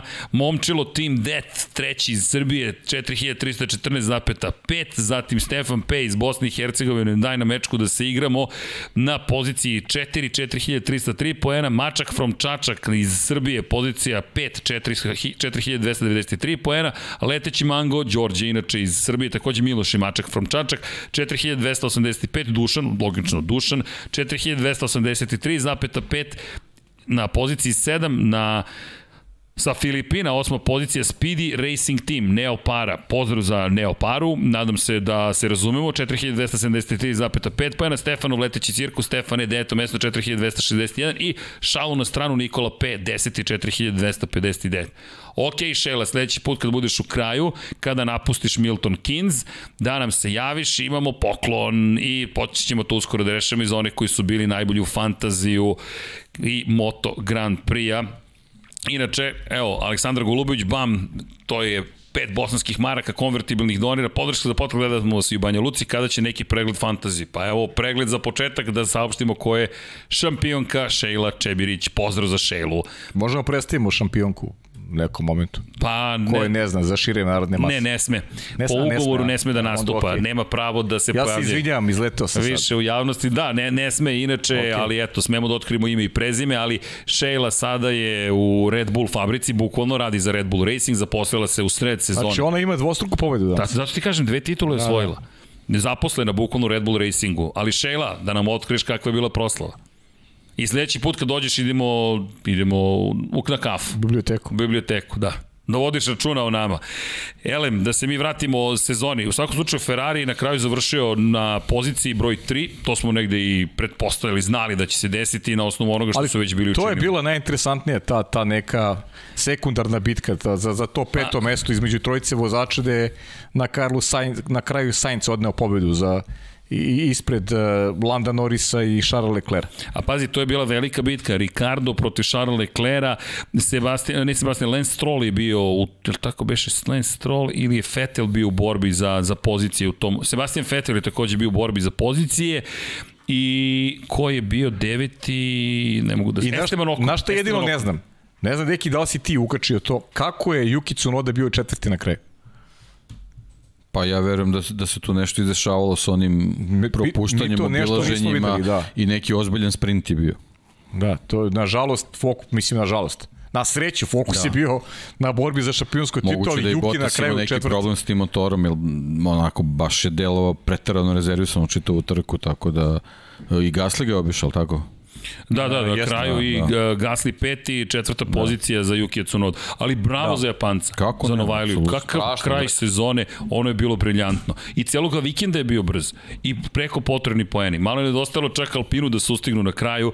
152 poena Alpina, 142 da. Alfa Tauri propustili su šanse u nekim prethodnim trkama, pogotovo Pierre Gasly, da budemo iskreni. Katar i Brazil. Pre svega da. te dve trke su bile loše. Loši startovi Pierre Gaslija, loši izbori taktike s početka sezone i jednostavno imaju potencijal Alfa Tauri da bude peti ove godine, ali i sami su krivi što to nije slučaj. A pad McLarena, 323,5 poena za Ferrari, 275 za McLaren, od kada su imali dvostruku pobedu. Inače, ostali su jedini tim sa dvostrukom pa, pobedom ove sezone. Ovo je, ovo je najsvetlija tačka od Rusije ova trka a završene s jednim sedmim mestom i jednim 12. Tako je. Pa, pa da. Rusija oni su, kada je bio četvrti. Oni su samo četiri Norris. boda osvojili u prethodne četiri trke. Četvrti je bio Ricardo, da. A, da. Bukvalno, mi imamo katastrofu u McLarenu u završnici sezona. Da, ne računamo ovu, naravno. Pre toga četiri poena su osvojili u četiri trke. Da, i u Saudijskoj Arabiji peti i deseti. To je, to je bilo nešto najzad pozitivno. Međutim, Ferrari... Kao ljudi, da su se ugasili posle Rusije. Ove godine Ferrari skoro svaku trku je završio sa oba vozača u poenima. Poslednji put kada nisu osvojili jedan i drugi bodove, Rusija kada su bili treći i 15. Pre toga Mađarska kada su bili treći i jedan nije završio trku, pre toga Francuska gde su obojica prošla kroz cilj bili 11. i 16. pa Monako kada je drugi bio Sainz nije startovao Charles Leclerc usled problema sa, sa pa bolidom da. i Portugalija kada su bili 6. pouzdani, i 11. Pouzdani, ali nedovoljno brzi. Brzi samo u par navrata. Brzi iz perspektive te borbe za, za te najviše pozicije. Pouzdani da, ali Ništa više od toga, pouzdaniji nego prošle godine. Znam šta ćeš mi reći, okrećemo na sledeću godinu. Ja čak, opet ne vidim. Evo sad, sad pričamo o Charlesu Lecleru, recimo, malo pre smo se dotakli te teme. Znaš, da li je, ta, i, i pričali smo i tokom godine generalno, da li je Charles Leclerc taj koji, koji može Ferrariju da, da vrati šampionsku titul, da bude prvi posle Kimi Rekoena. Evo, prolaze godine. Pa ni Kimiju nije bilo... O, one se nižu, one se nižu i Ni Kimi nije... Nisam siguran da je, da je to slučaj. Ni Kimi nije bio taj koji je planiran bio pa ne, za Kimi, titulu šampiona pa, sveta. Kimi, ja mislim da je to i dodatno motivisalo, baš zbog toga što je Mihala Šumahira gleda u garaži koja je pripadala Filipu Masi i što je Ferrari general, generalno radio na tome da Masa bude šampion, ali Kim je to negde motivisalo. Je sad ne znam šta će biti sa Ferrari motom potom. Pravit ćemo analizu naredne godine da mislim da ima ovde još zanimljivih tema koje Kako ne, ne, možemo da nisam čak ni hteo, samo sam spomenuo. Okay. Ali eto, Alpina ovu trku završila na 8. i 9. poziciji, dvostruki poeni za Alpinu. Dobro, opet poeni, jedan lep dobro. standard. Za njih je recimo ovo dobar standard ova godina u tom pogledu njihov napredak bi više potencirao nego, nego, nego Ferrari. Da, Aston Martin bez bodova, ali videli smo da su oni negde odustali od ove sezone. E, to je interesantno. To je... Aston Martin je zanimljiva tema i nepoznanica velika, toliko uh, ima tu ovaj i kada pričamo o ljudskom resursu i kada pričamo o finansijama koje su stabilne, toliko ima prostora da ta ekipa bude konkurentna i da se bori za najveće domete i, i zaista neko se iz njihovih rezultata, makar želimo tako da, da, da to gledamo, da je jasna, jasan pogled ka narodnoj godini. E sad, šta će doneti naredna godina, to je opet jedna velika enigma i znam da ćemo se kroz podcastima i baviti ovaj analizama onoga što nas očekuje kroz promene vezano za, za samo pravila igre, a nadam se da će Aston Martin biti, biti bolji nego što je slučaj u tekućoj sezoni. Mi dalje pratimo, Vanja ima nešto novo? Ne, to je Nema. to. Dom Pablo ima nešto novo? Ima novo koliko hoćete. Poruka je iza kulisa. Ima novih poruka. Ima izgleda novih poruka. Da je pozdrav za Vladimira Filipovića. Kaže, momci pričate o tome da je Latifi koštao Hamiltona ovu trku, a ne sećate se koliko puta Tsunoda koštao Maxa ove sezone. Pa dobro. Pa može pa sad tako to, da može, se može, da daga, ali... Pa zato si i rekao jednom momentu sada... Nije, nisu, nije ova sezona bila samo trka Maxa i Luisa. Tako je. To je bilo još, još ljudi na stazi, tako da... Pa, ali pazi, usaglasili smo stavove oko Michaela Masija, usaglasili su ih sada i, i navijači dva tabora, zato što, zato što je Michael Masi uh, radio pogubno Pa, pa, Michael Masi je pogubno po sport, ali, ali je oštetio jednu i drugu stranu drastično Luisa Hamiltonu u finišu trka mogu mu donesu osmu titulu. Ali kada se vratimo unazad, šta je se uradio Michael Masi, to je bilo tragikomično. Inače, Aleksandar Antonović kaže, pozdrav svima, svaka čast na komentarisanju podcastima, evo čistim sneg i slušam vas pa se lakše odrađuje posao. Pozdrav za sve koji čiste sneg i slušaju Lab 76. Da li mislite da su Mercedes i Red Bull jači od same organizacije, da je to glavno razlog za ovu lakrdiju od odluka? Šta vidite kao rešenje svih tih problema, a da to nije samo promena Masija? Veliki pozdrav. Pa Deki je to dotakao, to je institucionalna promena u FII zapravo. Jer od FIE mora ovo da krene, on je radnik FIE, on prima platu od FIE, on radi za FIU. Neko i u FII mora da ga zaštiti od Mercedesa i Red Bulla, neko i njima mora da kaže ne, ovo, ovo, dugme, ovo dugme neće se koristiti više ovako. Bukvalno. Neko koga nismo ni čuli ni videli ove Tako sezone. Je. Neko ko ima Jest. ime i prezime i zove se Jean Todt, on da, je predsednik Međunarodne, Međunarodne automobilske federacije, Jean Todt koji... I generalno bio idealan za ovu situaciju, zato što u principu nema veze ni sa jednom ni sa drugom A ekipom. A zna, poznaje ove tako situacije. Je, tako je. Nije se oglasio bukvalno, pa, osim kada ga vidite to, na premijerama filmova nema. je on u prošlosti takođe u, u neku svoju korist igrao, tako da... Pa zapravo on zaslužuje da. najveće kritike. Da. Jer pa, on je taj kažem, koji vodi organizaciju. Meni, meni delo je da, da ga suviše ga je malo bilo na raznoraznim konferencijama za štampu vezano, vezano za takmičenje Formule 1. E sad, kako je to sad ustrojeno sve sa Liberty Medijom i, i, i Međunarodnom automobilskom federacijom, to je sad neko drugo pitanje, ali generalno ovo je takmičenje pod Međunarodnom automobilskom federacijom i predsednik te, te, te organizacije bi trebao da učestvuje u ovakvim situacijama. Kaže Mario Vidović, sreća popratila Maksa danas, ali sreću treba zaslužiti. Pozdrav svima, ostanite zdravi, ostani zdrav. Takođe, Mario, Mario hvala pozdrav, ti Mario. najlepše. Pozdrav. Inače, kada je reč o, o, o još nekim porukama, ja bih malo stao sa analizama ljudi. Danas je bio dan trke. Biće prilike da pričamo da, da, pričat ćemo, o imamo, Danas imamo do marta. Emocije imamo, pričamo o trki, šampiona. trci, uspeo sam da pronađem Šta? Sunoda, obilaženje Botasa, otprilike duel Maxa i, Luisa. Je tako? Je tako? Da, da. Viš, to nismo videli ni u prenosu. Da, s tim što je Bottas ponovo praktično prepustio poziciju. A kada se dešava? Ali, posljednji krug? Dva, da, da, da, da, da, da, da, da, pritom uh, ispred njega je bio ovaj, Mick Schumacher, tako da imao je, imao je mm. ovaj, da, da, da radi za, za tu poziciju. Tako Bravo da, za Juke. Da, da, sjajno. I otvorio je vrata i Pierre Gasliju samim tim. Verovatno. Pretpostavljam, pošto, pošto na, na snimku se ne vidi, pošto je on board, mm -hmm. pa se ne vidi, ovaj, ali, ali verovatno je ovaj, ga je povukao. Bravo za Juki. Da, Juki da. postade lider Juki Alfa više, Taurija. Juki više nije Ruki. Ruki nije, van, Juki je Juki i eto, najbolji vozač ekipe u poslednjih par trka, najimpresivniji, ako možda ne najbolji. Zatim, šta još bih rekao? Ljudi, dobili smo šampiona sveta. Ajmo da stanemo tu na trenutak po, i naravno želimo vaša pitanja da čujemo, da odgovorimo na njih i da polako idemo na spavanje. Možda nećemo na spavanje, ne znam, adrenalin je prilično ver, mada NFL utakmice su u toku, tako da ima šta još da se prati. Međutim, polako li sigurno zašto bih se zaustavio na trenutak? Um, umor stiže plave. Ne samo to. ok, ok. Dobro, ali ljudi, Čestitke Luisu Hamiltonu, čestitke Maxu Verstappenu. Zašto? I jedan i drugi su odvezli Red je da prvo čestitam šampionu. Čestitke Maxu Verstappenu. Zatim čestitke Luisu Hamiltonu. Odvezli su briljantnu sezonu. 22 yes, teške, naporne yes. trke bio sam ubeđen pet i po kruga pre kraja da je Hamilton šampion, zaista. Ja čak i ranije. I da je to to. I u tom momentu sam i rekao, ok, ovo polako, ali sigurno da k tome sačekat ćemo naravno pa, kraj trke. Čuo si vladu i publika je dobrim delom mislila Abu Dhabi. Da odlazi. Napuštali su, počeli da napuštali tribine. Pazi, ja sam taj koji obično veruje u dramu do poslednjeg trenutka. Zaista sam bio ubeđen da ima punu kontrolu nad situacijom. Haos se desio na kraju, Max Verstappen na neverovatan način postao prvak sveta. Vanja, šta kažeš, protest poslednji je odbačen. To je to odbačen, dakle, čekamo nastavak, verovatno drame na, za nekim zelenim stolom, evo nešto mi Dom Pablo signalizira da se dešava, šta se dešava, da čujemo da li ima novih informacija.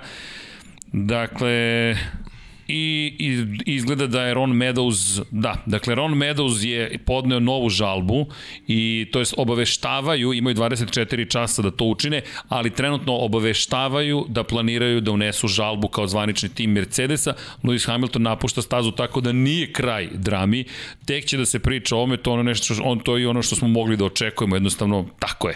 I lepo je rekao David Coulter, da li zaista iko veruje da će ovde stati, ulog je prevelik, jednostavno je ulog prevelik, ovo je titula šampiona sveta Formula 1.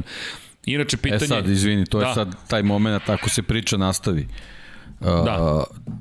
mi ne bi trebali da dobijemo informacije iz jednog ili drugog tabora, nego neko treba da sedne za sto i da sazove konferenciju za štampu. To bi trebalo da bude FIA. Tako je, FIA, a tu opet se vraćamo na Žana Toda koga trenutno nemamo, a njemu ističe mandat i on planira da ode u penziju na kraju ovog meseca, ali mislim da ga čeka još neki posao. Ima par još stvari, da li mislim da sam izbaksuzirao da Hamiltona, A, pa za to su me optužili Verstappenovi navijači u kvalifikacijama u Saudijskoj Arabiji. Odlučite se ljudi koga sam izbaksuzirao. Ili Peka Banjaju, pošto ja imam moć zapravo da odlučim ko će biti šampion. Ukoliko želite da vaš omiljeni vozač bude šampion sveta, kliknite na znak dolara i donirajte i recite za koga da glasam. To jeste za koga Ljudi, da, znam, ne Znamo i mi nekada kažemo to komentatorska kletva, ali to je jedno praznoverije u stvari. Tako je. Tako ste neverovatni, moraš da, da priznaš. baš, baš ovaj... To ti je osjećaj za feeling. baš ovaj... Ne samo vas dvojica, zavisi, to je, to je stvarno... Da, zavisi ovaj... baš ovaj vožnje Luisa Hamilton i Max Verstappen od toga šta ćemo mi da kažemo. Oni u tom momentu imaju konekciju sa nama i slušaju. prevodim, prevodim ovaj Michael Michael Masi. Imamo ga na speed dialu. Ne, ne, da. čak ni to, imamo dugme, radio vezu. Ma Michael, reši ovo da bude najuzbudljivija trka svih vremena, molim te. Inače, Milan Gajić pita za 200, šalimo se naravno, to moram pravno da kažem. 250 dinara donira Milan Gajić, kaže šta mislite kako će ovakav kraj sezone uticati na Hamiltona za budućnost i da li će se ovakvi duli njega i Maxa preneti na narednu sezonu? Mislim da neće uticati, više bi uticalo na Maxa da izgubio nego, nego na Luisa Hamiltona. Zato što je Luis prošao kroz ove faze i njemu su, njemu su ove stvari mogu samo da ga negdje motivišu, jer njemu on do kraja karijere nema 15 godina kao što ih ima Max, kao što ih reka ima manje i verujem da će pojačati fokus onoga što on želi, a sigurno da želi osmu titulu šampiona, tako da mislim da se, da se na Luisa neće... Posebno na početku nove ere. Pa da. Tako da ima, ima tu nova motivacija. Tako da, znaš kako, ja, ja, ja sam razmišljao i bio sam... Uh, ba neću reći šta imam ja da budem skeptičan ili prosto razmišljam, pokušavam da sagledam stvari. Uh, Lewis Hamilton na početku godine kada je ušao onaj zaista sjajan ritam, pobedio tri trke, tada sam možda, kada je počeo Max da uzvraća udarac, tada sam više, više mislio da bi moglo da utiče na Luisa u nekom nastavku karijere ukoliko izgubi titul, ali način na koji on vozio tokom ove godine, u 37. godini pokazuje da i dalje spreman, fokusiran fizički pre svega. Zašto da ne spreman... pored Fernanda Alonso? Tako da, je. tako da, e, bravo, tako, tako da, tako da e, mislim da neće se reflektovati na dalju karijeru, da će ga samo ovako naterati da bude još Znaš kako, imamo njih dvojicu, jači, imamo da Ako smo već spomenuli Alonsa koji ove godine pokazao koliko je motivisan, posebno ako Alpina bude bolja, a može zamisliš ako Aston Martin bude bolji, kako, Sebastian kako ćemo Sebastina Fetela. Bilo bi sjajno. To je ono što je na početku sezone priča kako Sebastian samo fali neka iskra, ta iskra se desila u Monte Carlo, ja mislim da ga ona, ona nosila da izgura ovu sezonu, uključujući taj trenutak kad su oni saopštili da odustaju od ove godine i da se svim silama pripremaju za sledeću, tako da eto imamo trojicu šampiona u, da kažem, u poznim sportskim godinama mislim da je apsolutno nijednom nedostaje motivacije. Imam još nešto, sad šta mi je palo na pamet, samo bih se nadovezao na ovo. Mislim da je Max Verstappen podmladio Luisa Hamiltona. Bukvalno. Da je Lewis Hamilton nastavio da se šeta kroz šampionat u kojemu jedini rival, neko ko mora da ga sluša na kraju dana, Valtteri Bottas, mislim da bi se zadovoljio osmom titulom i rekao, ok, idemo dalje. Ovako, Ovako, mislim da Lewis Hamilton kao veliki trkač, sportista, ne, neće otići tako lako. I druga stvar, sad mi daješ zapravo ideju da je možda i pogled na Alonsa nešto što motiviše. Nije mi to palo Ali ne smemo da zaboravimo ni novog šampiona. Tako je. Jer kao što uh, smatram da na Luis ovo neće uticati, s druge strane da je Max izgubio, da bi to na njega imalo negativnog uticaja, Međutim, ovo što je osvojio šampionsku titulu mu daje jedan ozbiljan vetar u leđa. Vetar u leđa zna, i ogroman teret skinut sa, sa pleća. Ogroman teret, da. on sad zna kako se osvoja šampionska titula.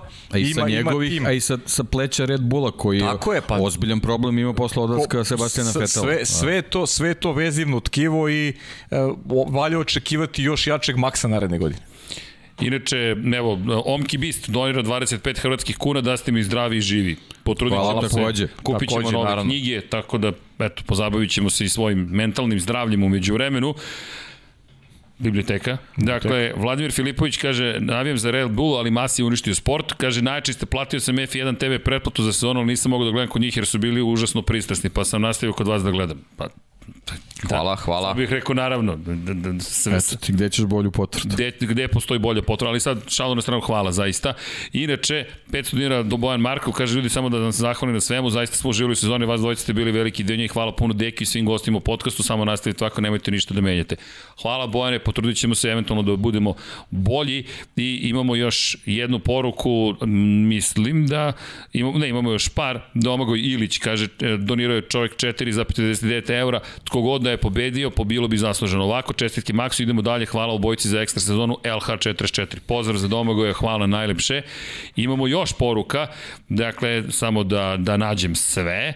Inače, pozdrav od E. Prelić, kaže pozdrav od dva klinca, doniraju 250 dinara, Tarika i Imrana, zajedno sa mnom su pratili celu sezonu. Pozdrav, pozdrav. gospodine Prelić i za klinca i za Tarika iz Imrana i šaljemo pozdrave, hvala još jednom za donaciju. Inače, Ivanko kaže samo da vas pozdravim, podigli ste Formula 1, NFL i MotoGP na jedan više nivo. Hvala u ime cele ekipe Infinity Lighthouse, to nam je negde bila želja, svaka vam čast, knjigi i majice su poručene, jej, čekaju se nestrpljivo dodatnih 500 dinara da pa ima da se učlani u biblioteku. ja ima, imam člansku kartu biblioteke. Viri dva prsta. Viri dva prsta. Nemojte ništa imam da... pravo da uđem u biblioteku kad god hoće. Ćemo sada da je otvorimo. Live to Learn 994 donirao je pet konvertibilnih maraka protesti Mercedesa Any cars that have been lapped, ostatak pravila. Dakle, sva, bilo koje vozilo koje je za ceo krug preteknuto, Red Bull je na to odgovorio Any doesn't mean all. Dakle, svako, bilo koje vozilo, ne znači svako vozilo, sudi usvojile, hvala vam momci na svemu, hvala vama, Tako da eto, advokati, advokati, pozdrav za advokate. Šta mislite naše? Dakle, u svakom slučaju, to je pozdrav za naše prijatelje iz svih, dakle možemo što kažu Amerija, Vox of Lies, čime god ljudi da se bave toliko. Inače, U, ne sam da spomenem, ali jedan gospodin koji je urednik glavni odgovorni jednog ozbiljnog magazina se javio i rekao ja 30 godina pratim Formulu 1, imam neke ideje pošto ste počeli da izdajete knjige. Tako da, eto nečeg takođe zanimljivog, pozdravit ćemo ga, nadam se, javno sledeći put. Šta mislite, kako će ovakav kraj sad, ne, to smo već pitali. Sve smo ovde pokrili. Ja ne znam da li imam još nešto. Do, ima, Dom ima. Pablo maše glavom. kaže, nastavi. Da ne zaborim Josipa Kovačića. Znaš da se oglasio da... Šta kaže? Pa rekao mi da čitam poruku ako za prvi krug on misli da je Hamilton treba da prepusti poziciju Maxu, a da je Max treba dojeti 5 sekundi za izgurivanje Hamiltona, to je neko moje rešenje, kaže, za taj incident i bio bi mir do kraja trke, ukoliko bi Max uspeo biti 5 sekundi ili više ispred Hamiltona, na kraju ne bi ništa značilo. Eto, to je njegovo zapažanje, insistirao je da pročitamo. Pa ja mislim ima... da si ti lepo opisao da je Hamilton i vratio poziciju da bi dalje bio prvoplasiran. Pa da, ali... I, ali nisi kažem, desilo. To je Prosto, samo... To je sad šta bi bilo kad bi bilo. Bukvalno, šta je bilo kad bi bilo i, i vezano je za tu nedoslednost Michael Masija, eto, to pa da. je. Mislim da bi se, da se u nekoj drugoj situaciji ne bi analizirao taj taj moment. Inače, Bubi ZGB donirao je 50 kuna. Hvala. Odlična sezona, vi ste isto odradili odličan posao, odličan podcast, pozdrav iz Zagreba. Pozdrav za Bubija ZGB iz Zagreba. Hvala puno. Hvala, najlepše, zaista. Podrška nam i tekako znači. Inače, Ivan Stojanović još 100 rubalja je donirao, hvala još jednom. Max Lando, Russell, Leclerc, Cunoda. Lepo deluje budućnost Formule 1. Pa jeste. Pa deluje Max Lando, Russell, Leclerc, Cunoda i onda dodajte stare asave koje je Deki spomenuo Biće plus Sainca. Plus Sainca, Fetel, kao što si rekao tako već. Tako da... kad pričamo o budućnosti Formula 1, naš imamo Ricardo i... malo ako se probudi. Imamo tu i, i Puršera, imamo Oskara Pjastri, imamo tu momke koji su zaista super talenti. Gasli. Da, Pjastri koji je zaista sjajan, da. Pa i Perez svojim vožnjem pokazao da ima svoju ulogu u celoj priči. A nikad nije bilo upitna budućnost, uvek smo u formuli imali dobre vozače, to je to. Je to. Više ko će napraviti vreme. najbolji bolid. Tako. Pa, tako je. Ko će 2022. da započne rešenjem misterije zvane nova pravila. To nikada ne znam. A se sutra fokusiraju samo na to. Tako je. Osim Jest. advokatske kancelarije Mercedesa Dobro, i Red Bull. To je, to je druga Ali priča. to su third oni, parties. Oni ne prave bolide. to oni ne prave bolide. Oni će da rešavaju svoje inženjeri. Oni zarađuju svoje dnevnice. Sutra ujutro kreću i baš me zanima i jedni i drugi kako će biti. Krenuli su odavno nego od sutra fokus samo na to sve su uložili, izvinjavam se, na, na, na ovo što se desilo, dakle, već počinjem ja da popuštam.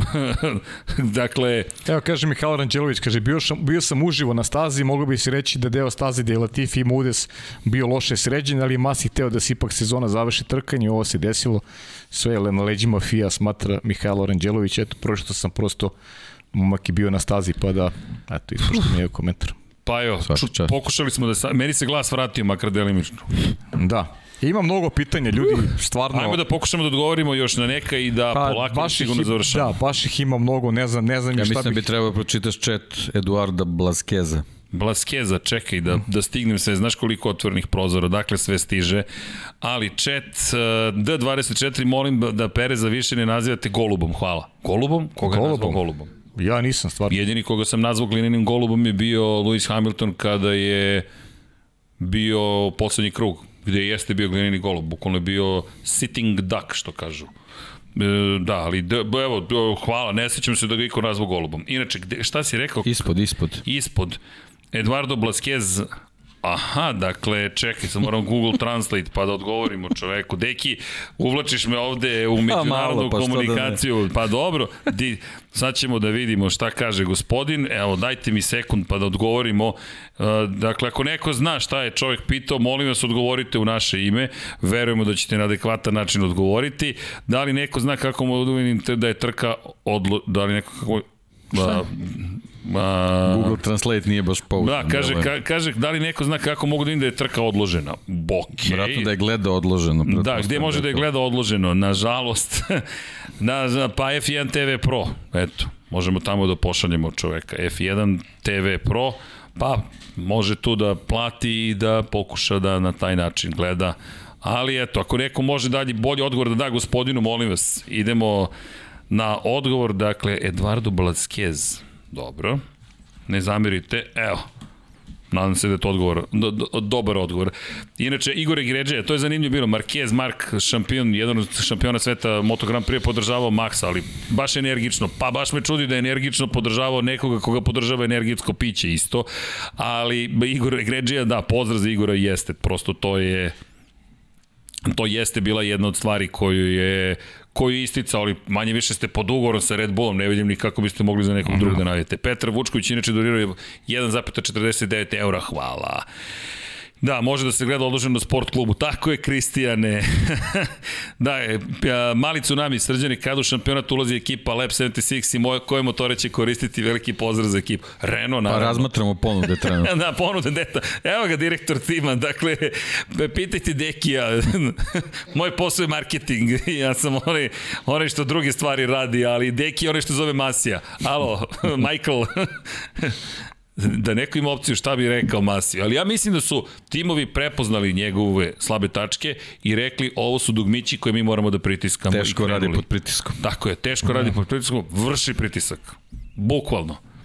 Bukvalno. Pazi, ja, ja mogu samo da pozdravim i Borisa Trutina i Željka Damjanovića i Jacu Novkovića i Lazara Slovića. Uglavnom su pitanje vezano za ono što smo komentarisali tokom podcasta vezano za za incident između između Maksa i, i Luisa s početka trke i reakciju Masija na, na samom kraju, tako da e, mislim da bismo se samo vratili na nešto što smo, što smo već što smo već ovaj apostrofirali, pa već smo, pa da, da, već, već smo pričali na, o tome. Na dobar deo pitanja odgovorili i sve se nekako neko se vrti vrti priča oko tih detalja. Eto, to je to je manje, manje više to da vidim da li ima još e, Oskar ima dobro pitanje. Da, da li Pale zanima da li misliš da je bi bio još veliki projekat Mercedesa da je Vettel došao na mesto Hamiltona? Te 2013. Pa ja, ja stvarno ja, ja jako poštujem Vettela i mislim da bi ne mogu da tvrdo, nikad nećemo znati da li bi Vettel uradio isto što radio Lewis Hamilton, ali sigurno da, da pričamo o dvojici. Dobro, ali Vettel generalno ima reputaciju vozača. da kad ima dobar automobil isporuči ono što treba. Definitivno, da... je sad kako po bi... tome možemo da zaključimo da bi verovatno. Pa verovatno, ali verovatno. Pitanje je šta je tu još trebalo da se uradi u Mercedesu da bi, da bi postao to što je postao, tako da... Jeste. To Jeste. je veliko pitanje da li Ima, da bi to Vettel doneo. Imali smo i te momente u Ferrari gde je bio Vettel, gde je istina u tim duelima sa, sa Lewisom Hamiltonom popuštao malo više pod pritiskom i pravio malo više grešaka nego što, nego što je to radio Lewis Hamilton u ekipi Mercedesa, koliko god je Mercedes bio bolji u tom momentu od Ferrarija. Tako da, pitanje, ne znam, to nikad nećemo znati, ali realno, a realno Mercedes ne bi mnogo pogrešio da je izabrao Sebastina Fetela, svakako. Dvojica velike šampiona i Fetel i Hamilton. Ljudi, završila se sezona na najluđi mogući način. Svašta smo predviđali, pa ti si često spominjao da bi incidenti mogli da budu presudni. Deki, ti si često spomenuo da bi incidenti mogli da budu presudni. Odluke oko incidenata bi mogle da budu presudne. Tako je, tako je. Pre, pre svega odluke oko incidenata. Da. Na, pre pet dana smo ovde tipovali, Igor je tipovao na Verstappena, ti si pa, tipo na Verstappena. smo tipovali na Verstappena, da. Drugačije sam video da će se završiti, Hamilton danas pokazao da moj Absolut. tip je bio da će dominirati Verstappen od početka da. do kraja, ne. Danas je bio bolji, danas je bio Lewis bolji, realno Jeste. je bio bolji. Jeste, međutim na kraju dana šampion sveta jeste Max Verstappen, možda se tu nešto promeni, ali čisto sumnjam, novi prvak sveta, prvi iz Holandije i još jedna bitna napomena, meni je to impresivno, prvi za Hondu od Ayrtona Sene i verovatno poslednji, ja ne vidim da će Honda naći za shodno da se vrati u Formulu 1 pa, pogotovo, promena. Pogotovo sada. Sada. Odlaziš kao šampion. Ti si imao Bila nespretna situacija u Park Fermeu, pokušali su da mu, ovaj, da mu daju japansku zastavu da je ponese na podijum, vidim da na kraju nije bilo gori. Da, pa ali mislim to je da po protokolu odluka. takođe... Nosio je, nosio je holandsku, holandsku sme, ali japanski nije bilo, da. tako da, ovaj, da, naravno, protokol postoji, ali nijednog trenutka je nije istakao, tako da, ali to je, to je njihova odluka. Da, da naravno. Pričat ali, ćemo i tome u nekim pri, Tako je, da. ali Honda odlazi, Red Bull je otkupio savršen tajming, imaju ne, neverovatno. Ovoga puta savršen. Da. Pazi, ovoga puta savršen. Prošli put je bio najnesavršeniji. Ko je kupio ekipu Honda? Bron da potpisao ugovor s Mercedesom za dostavu motora, osvojio titulu u svojoj prvoj i jedinoj sezoni u šampionatu sveta, prodao posle tim Mercedesu. I to je pokazatelj, setimo se, eto, Honda kakva je bila uz McLaren i šta je napravio Red Bull. Kako je bilo uz Williams. Da, u, u saradnju sa mlađim bratom Alfa Taurijom i sigurno da, deo, u, da udeo u osvajanju titula Max Verstappen ima i Franz Tost. Ekipa Alfa Taurija koja je prva uh, koristila Honda na agregate i tad se već moglo se nasluti da će ta saradnja Red Bulla i Honda doneti neki rezultat. Nismo ni slutili da je rezultat krajnji šampionska titula, ali svaka čast Red Bullu na jednom turbulentnom putu koju su prošli u saradnji sa Hondom i dobili su to toliko željenu titulu, poglavlje se zatvara na najlepši mogući način. Po njih, Red Bull Honda završava i u muzeju, tamo pored svih mogućih, pored jedne McLaren Honda, pa pored i šampionskih motocikala, Marka Markeza, Valentina Rosija, Mika Duana, Nikija Hejdena, dakle, to je kultni muzej u Motegiju, ko može da ga poseti, topla preporuka, tamo će završiti, siguran sam, jedan od ovih bolida, jedan će biti u Milton Kinzu, ali jedan ide, ili će biti u Austriji u hangaru 7, vidjet ćemo gde će biti, ali činjenice da ovo postaje kultni, kultni bolid zaista za Hondu. Od naredne godine u svojoj fabrici će Red Bull praviti mu svoje motore pod oznakom Red Bull. Otkupili su smjeru, vidjet ćemo kako će im to pomoći, da li će im pomoći ili ne. Neko novo poglavlje polako počinje. Da odgovorim na par pitanja zašto ne svrstavamo Mika Šumahira u mlade nade, svrstavamo samo što mu Haas nije dozvolio previše toga da pokaže. Čekamo 2022. Šampion je Formule 2, Nadamo se i Pjastri u neko skorije vreme. Ima tu još jedno pitanje da li bi mogli, to smo spomenuli da se daju crveni kartoni zapravo šefovima timova. To nije loša ideja, nešto slično tome ako pređeš neku granicu, ali ljudi, to je opet ono što je Deki rekao. Ili to ili broj Fija. challenge I, da, i, može i to, idemo, ha, Deki, razumemo poruku. jasno. Sve je vrlo, vrlo jasno. jasno je razumemo, da. Tako je. Ironičan je naravno Deki. Deki. Za one koji možda nisu razumeli. vrlo ironičan. U svakom slučaju, ljudi, ovo je onaj podcast posle trke. Hteli smo da se nađemo odmah, dok su utisci sveži, dok smo mi još uvek u glavama nekako u trci, kada je adrenalin najjači, da sa vama podelimo i naša mišljenja, naša razmišljanja i emocije. Konačno, mi smo uvek uzbuđeni. Ono što je Paja rekao, meni je jedan od najjačih utisaka da je sedam dana izbegavao kontakte, da je sve izbegavao, ne bili ostao zdrav. Toliko i nama znači da budemo deo isterije na jedan način, pa, prosto obožavamo naš posao. Deki večeras sa nama kao i uvek. Dakle, Dom Pablo, Ivan, Srđan, Vanja, to su sve ljudi koji su konstantno tu nekako. Vanja po defaultu uvek tu, ali Vanja, hvala Vanja za sve informacije.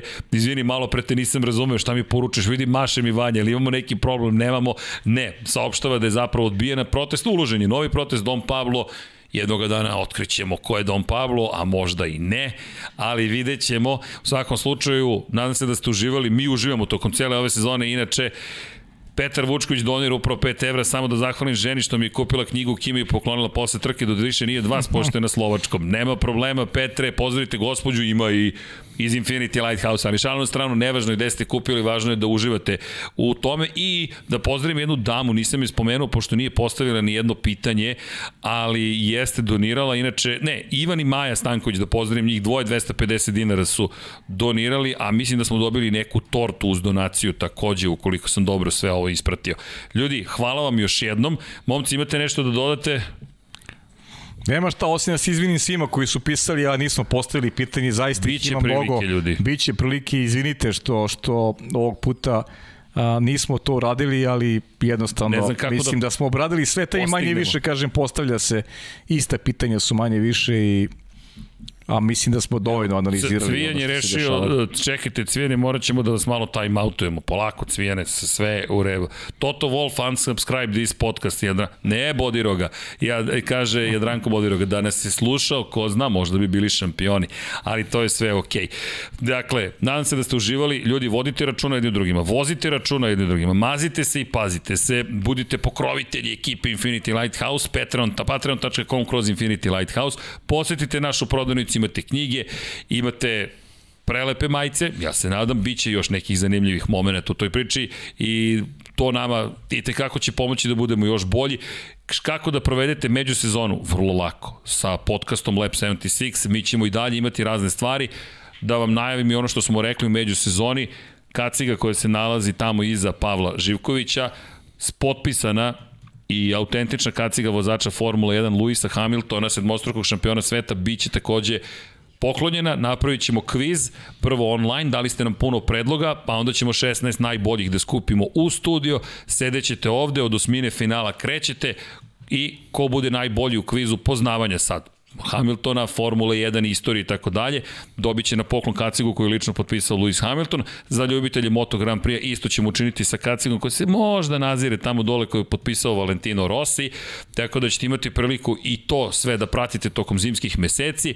Imaćemo još neke, nadam se, zanimljive goste, izdavat ćemo neke nove knjige, svega će biti. Ljudi, pružit ćemo vam, nadam se, informacije i zabavu, možda i složimo najzad ovaj Benetton Ford B194. Deki je rekao da moramo da kitimo jelku pred novu godinu, pa eto, i time ćemo se baviti, a nadam se da ćete vi uživati. Da li će biti neka majica sa Schumacherom? Biće majica sa Schumacherom, biće majica sa Lewisom Hamiltonom, biće majica i sa Supermaxom, kao što smo negde i obećali.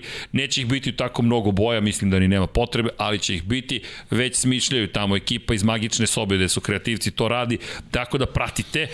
A e, pitanje za, za nas još samo jedno, zašto na Sport Klub kanalu nema isečaka iz Formula 1 kao za Moto Grand Prix, mislim da je to pitanje prava, ali zaista ne znam. Tako da to su digitalna prava posebna, ali potrudit ću se da se i to desi. Dakle, do marta, subscribe, like, pratite Lab 76, ko zna, možda se utorak vidimo koliko je stvari, nikad se ne zna. Mada mrka kapa, poručuju mi kolege ovde. Pa, zbog... Se mi vidimo u sredu.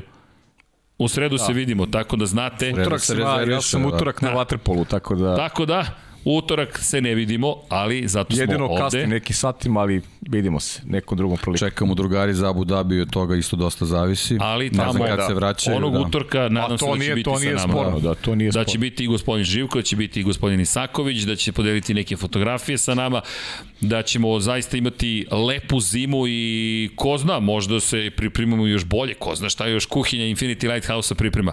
Eto, meni teško da se odjavim. Emilija Popović donira 250 dinara, hvala Emilija.